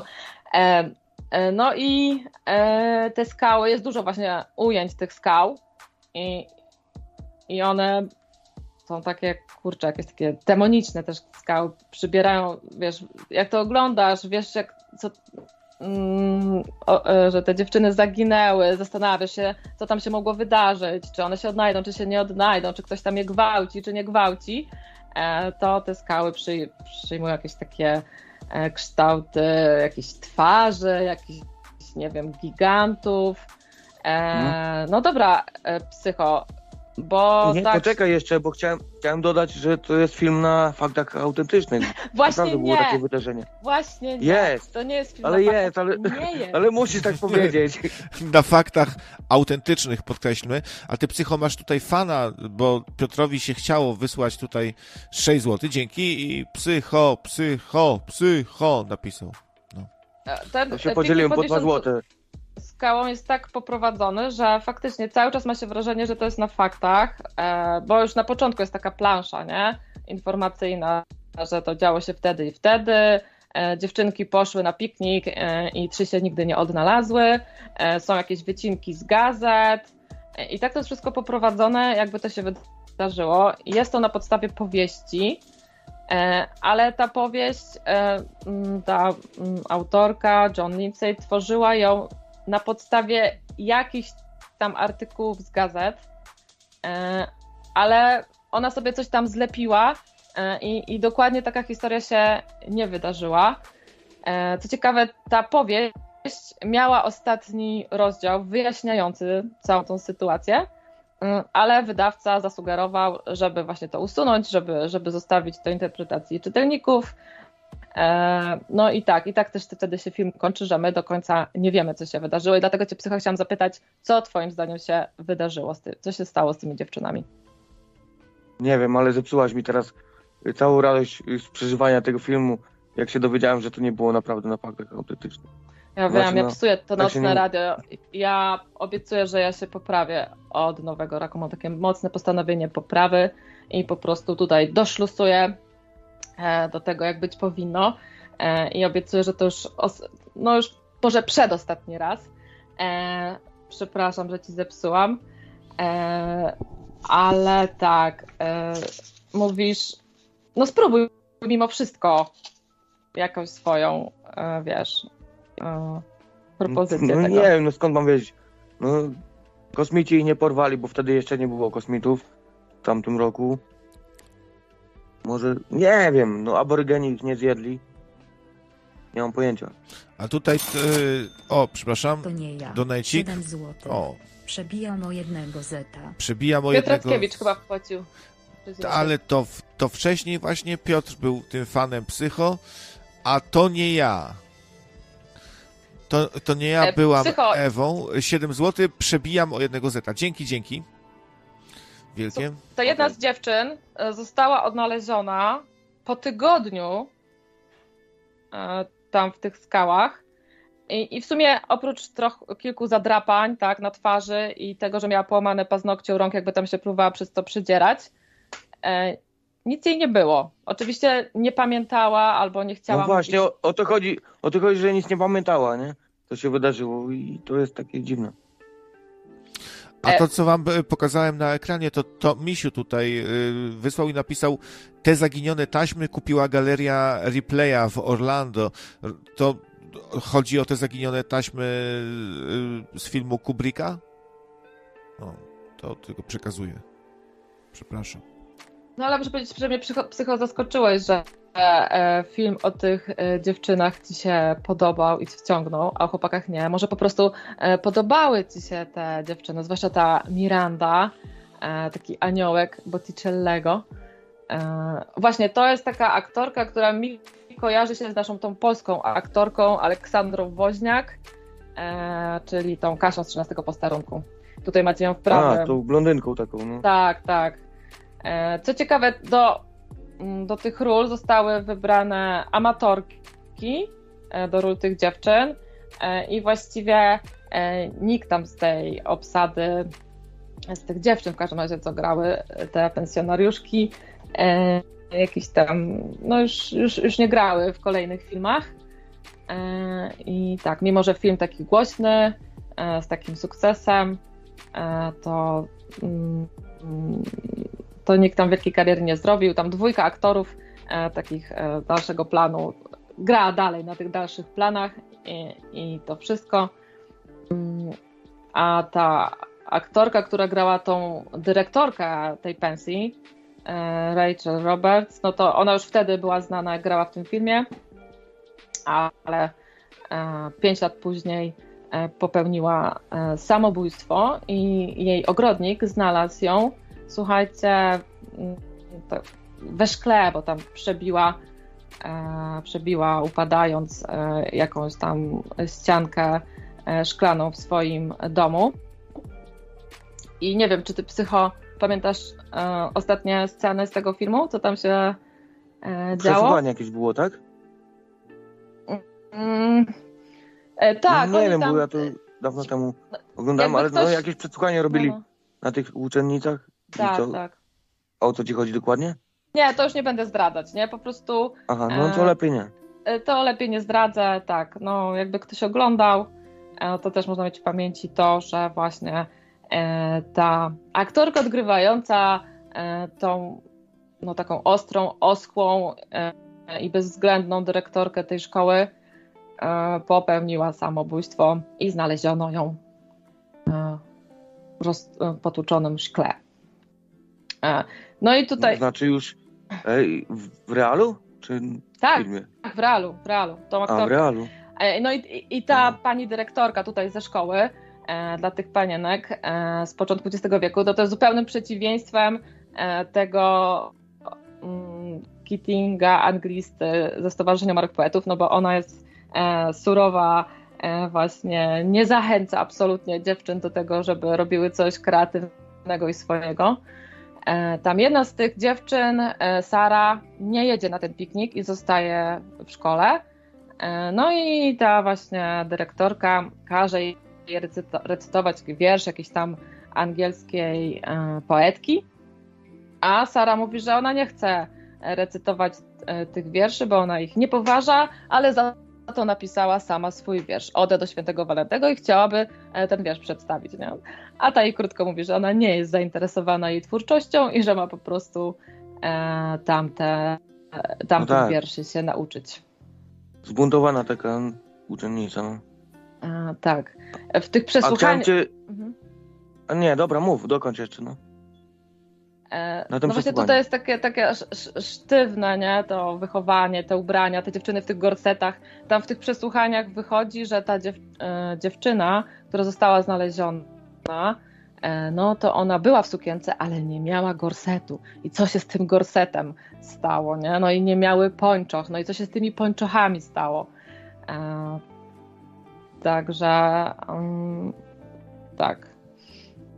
E, No mówię, jeżeli znaleziono jej ciało po tygodniu, właściwie nietknięte, no to wiesz, jakaś taka interpretacja mogłaby być, że ona po prostu została, nie wiem, gdzieś przeniesiona do jakiegoś innego świata. Może właśnie do tej aborygeńskiego czasu snu, nie? Tego równoległego, e, świata i tam po prostu była przez te 7 dni. Mm. Też mi to przyszło na myśl, że do jakiegoś portalu się dostała do innego wymiaru. Mm. Ale to chyba nasza nadinterpretacja, nie wiadomo co. Psychofan. 6 Scenarzysta miał na zł myśli. 69 groszy. Mm. Jeszcze E. No ten Psycho. ostatni rozdział Psycho. e, tej Więcej książki psycho. został opublikowany po śmierci tej pisarki, e, ale tam nie, nie, nie, nie, nie doczytałam w końcu jeszcze jak ona tam to wytłumaczyła. Także to sobie musicie odszukać. Tutaj psychofan znów się odezwał, to jest chyba znowu Piotr, bo pisze i jeszcze raz psycho, psycho, ubudubu, ubudubu, niech nam żyje nasz kochany psycho. No, ja, ja też lubię jak psycho dzwoni. Tak? No. No to, to dobrze, będę częściej dzwonił. I był już remake, słuchajcie, właśnie tego pikniku pod wiszącą skałą w postaci oczywiście Czekaj, czekaj, e, serialu. czekaj, czekaj, czekaj, czekaj. Ale, ale gdzie był? Opowiedz o tym, bo ja tego nie słyszałem o tym. E, na Amazon Prime w 2018 roku z Natalie Dormer w roli tej e, dyrektorki Appleyard. No ale nie ma zbyt pochlebnych recenzji ten serial. Ja go nie widziałam. Może ktoś widział właśnie piknik pod wiszącą skałą z 2018 roku. E, także tak, tak psychowisz. Jakbyś chciał wersję serialową rozbudowaną, e, to jest do obejrzenia na Amazonie. A jakiej to produkcji jest ten serial? Australijskiej czy już amerykańskiej? Nie, nie, to już Amerykański. jest amerykański, no. Mhm. Okej. E, Prawda, może gdzieś na torrentach się znajdę. główny za, jakiś tam pierwszy zarzut e, co do tego serialu jest taki, że e, aktorki no, mają i wyglądają na 20 parę lat, a, a w filmie Uira, no to były takie, wiecie, no, No, Podlotki? 15. 15-16 lat. E, A z kolei ta ich dyrektorka, no to była taka pani, wiecie, w okolicach 50, e, taka stateczna właśnie, surowa dama. E, A z kolei 10 ta. Natalie Dormer, Dałbym jako ta dyrektorka, wydaje się niewiele od nich starsza. Nie? E, Także mm, to tak zostało dziwnie wymyślone. E, Okej, nie, nie widziałem serialu, nie będę się wypowiadał. Pewnie. No, no ja też. Jak też znajdę, nie, to także- zobaczę. A tu e, kolejny głos donatowy. To nie on tym razem. To nie ja, to nie on, to ja. Dałbym więcej, ale nie ma linku na donaty dla Ani. Aniu, jak to skomentujesz? No bo jesteś wredny i nie doklejasz mojego e, mojego triplego. I tyle, no. I się wyjaśniło wszystko. Kapitan, Pijawka Kapitan zgarnia Pijawka, cały, no. cały majątek. Wszystko dla siebie by chciał. A Piotr zapytuje, gdzie jest jego e, zapalniczka. No widzisz. A mógłbyś mieć na przykład zapalniczkę z, nocnym, z logiem nocnego radia, ale nie masz i nie będziesz miał. Prawdopodobnie. No. To tyle Mhm. w kwestii Aniu, a jeszcze pieniędzy. chciałem się zapytać, chciałem się ciebie zapytać, Mm. mm, czy widziałaś film tego reżysera, reżysera The Life and Times of the Reverend Buckshot? Shot. No właśnie jeszcze nie. Proszę. 1968 roku. Nie wiem, ja tak patrzę na Filmwebie, jakie on filmy zrobił i mnie bardziej ciekawią te najstarsze, od A czego nie, ja myślałam, że ty pytasz mnie o taki film, co jakiś słuchacz ostatnio polecał. E, nie, nie. Nie, nie, ja, ja tylko patrzę filmografię Mhm. na Filmwebie, i, a Free to Go to chyba było. E, tak, z tych takich, no nie, te takich pierwszych filmów, że one są nie do zdobycia, wiesz. No właśnie, mnie bardziej ciekawi taki iceberg z tych pierwszych filmów, od czego zaczynał konkretnie. E, wiesz co, ja taki gdzieś tam na jakimś, nie wiem, francuskim portalu znalazłam taką nawet nie film, tylko taką etiudę tego Petera e, Weira, e, gdzie on tworzył film z dwoma innymi twórcami. O, Free to Go, to było z 71 roku. No i on tam, ta jego część, jeszcze czarno-biały film, E, Ale może to miało być czarno-białe, tak? Miało być czarno-białe. e, no to takim chłopaku, który też właśnie pochodzi z takiego e, dobrego, ułożonego domu, no i ma pecha, bo się natyka na takich hipisów, nie? No, no i tam zaczyna się zadawać z tymi hipisami, za, zaczyna palić marihuanę, no i zaczyna różne e, takie, no, dziwne, dziwne ruchy, nie? Tam też przy, przyprowadza tych hipisów e, na jakieś przyjęcie eleganckie, e, no, rzuca pracę i zaczyna... No to, to może być dobre. No, no to Free to Go jest do znalezienia. E, Dobra muzyka tam jest, bo tam są właśnie takie taki zespół z lat 70., taki właśnie hipisowski. Teraz to oczywiście też nie przypomnę, jak on się nazywa, ale coś takiego pomiędzy, nie wiem, pomiędzy Dorsami a Beatlesami, o, tak to bym nazwała, nie? E, Także z tych starszych, starszych filmów to, to, to, to Free to Go jest do obejrzenia, jest, no, je- jest ciekawe, nie? A reszta to nie wiem. No, a my tu będziemy powolutku właśnie free to go.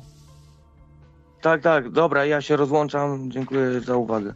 Tak, właśnie w pikniku Dzięki, pod wiszącą skałą tam się dzięki, dzięki, do usłyszenia przewija się taki e, cytat, e, to co mówi ta zaginiona Miranda, e, że wszystko zaczyna się i kończy w odpowiednim czasie, także my też O właśnie, o właśnie. tak jak trzeba, skończymy. Wszystko w, w odpowiednim czasie. E, Ja to wszystko dokończę. Logo dla Jacka. Nie obiecuj, nie obiecuj. Chociaż jest taki przesąd właśnie, e, że przed końcem roku e, trzeba tam oddać pożyczone pieniądze, oddać książki pożyczone, co tam kto co pożyczył. E, No i tam podokańczać, co się nie dokończyło. No jest przyjaciółka mi właśnie też przywiozła jakieś puzzle, jakieś tam nie książki, które jej pożyczyłam. Ja mówię, kurczę, już zapomniałam, że to ci pożyczałam. Mówię, a mówię, chcesz mi oddać przed końcem roku? Ona mówi, no tak, tylko to nikt nie powiedział przed końcem którego roku, nie? no, bo to jest taki E, czas, że, prostu, że trzeba dawać i trzeba oddawać też. Czas oddawania. tak. Albo dokończania. Albo, dokończania albo, tematów. z, albo zakanszania też jest czas. Mm, Tak. I czas nadawania. No dobra, krawiec, dzięki za ten wieczór z Dzięki. Peterem Weirem. Ja mówię jeszcze raz gorąco Was zalecam. Zachęcam do tych filmów tam z przełomu lat 80. i 90. Petera Weira, e, których pewnie jeszcze nie mieliście okazji widzieć, albo jeżeli widzieliście, to już dawno zapomnieliście, jakby chociażby Świadek e, czy Bez lęku z Jeffem Bridgesem. E, no, tylko ostrzegam, no to są, to są filmy o życiu, no tak, tak, to są filmy o życiu, ale też o takich bohaterach, O ludziach. bohaterach. O ludziach to są filmy, o ludziach. No i o, właśnie o człowieku. To zawsze jest film o człowieku. I to mi się podoba. Nie, Mm. chociaż lubię film o kosmicznych robalach też, tak, o filmy o, takie, ale t- o człowieku, o człowieku też. O reptilianach takie sobie, plejadianie. Człowiek jest najlepszy, to jest najlepsza rasa. O człowieku, jak jest film. No. Mhm. Dobra, to dzięki też Ania, że, że, że znalazłaś czas, żeby tu z nami posiedzieć, pogadać o filmach. E, Dzięki, dzięki, trzymajcie się, e, no i do usłyszenia niebawem. Do usłyszonka, pa. Dobra, dobranoc.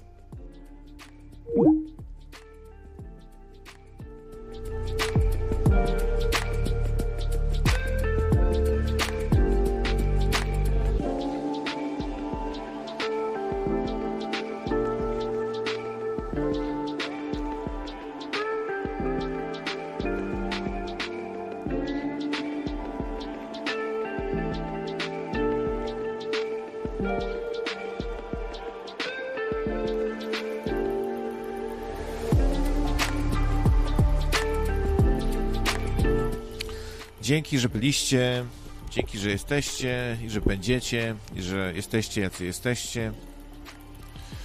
Posiedziałbym chętnie z wami dłużej, ale niestety, no, robota jeszcze dzisiaj. Muszę coś tu zrobić. Ale na pewno się w tygodniu pojawię, może nawet, może nawet w poniedziałek. Wielkie dzięki tutaj za hojność mecenasów sztuki nocno-radiowej i słyszymy się niebawem. Heja, heja, heja, heja.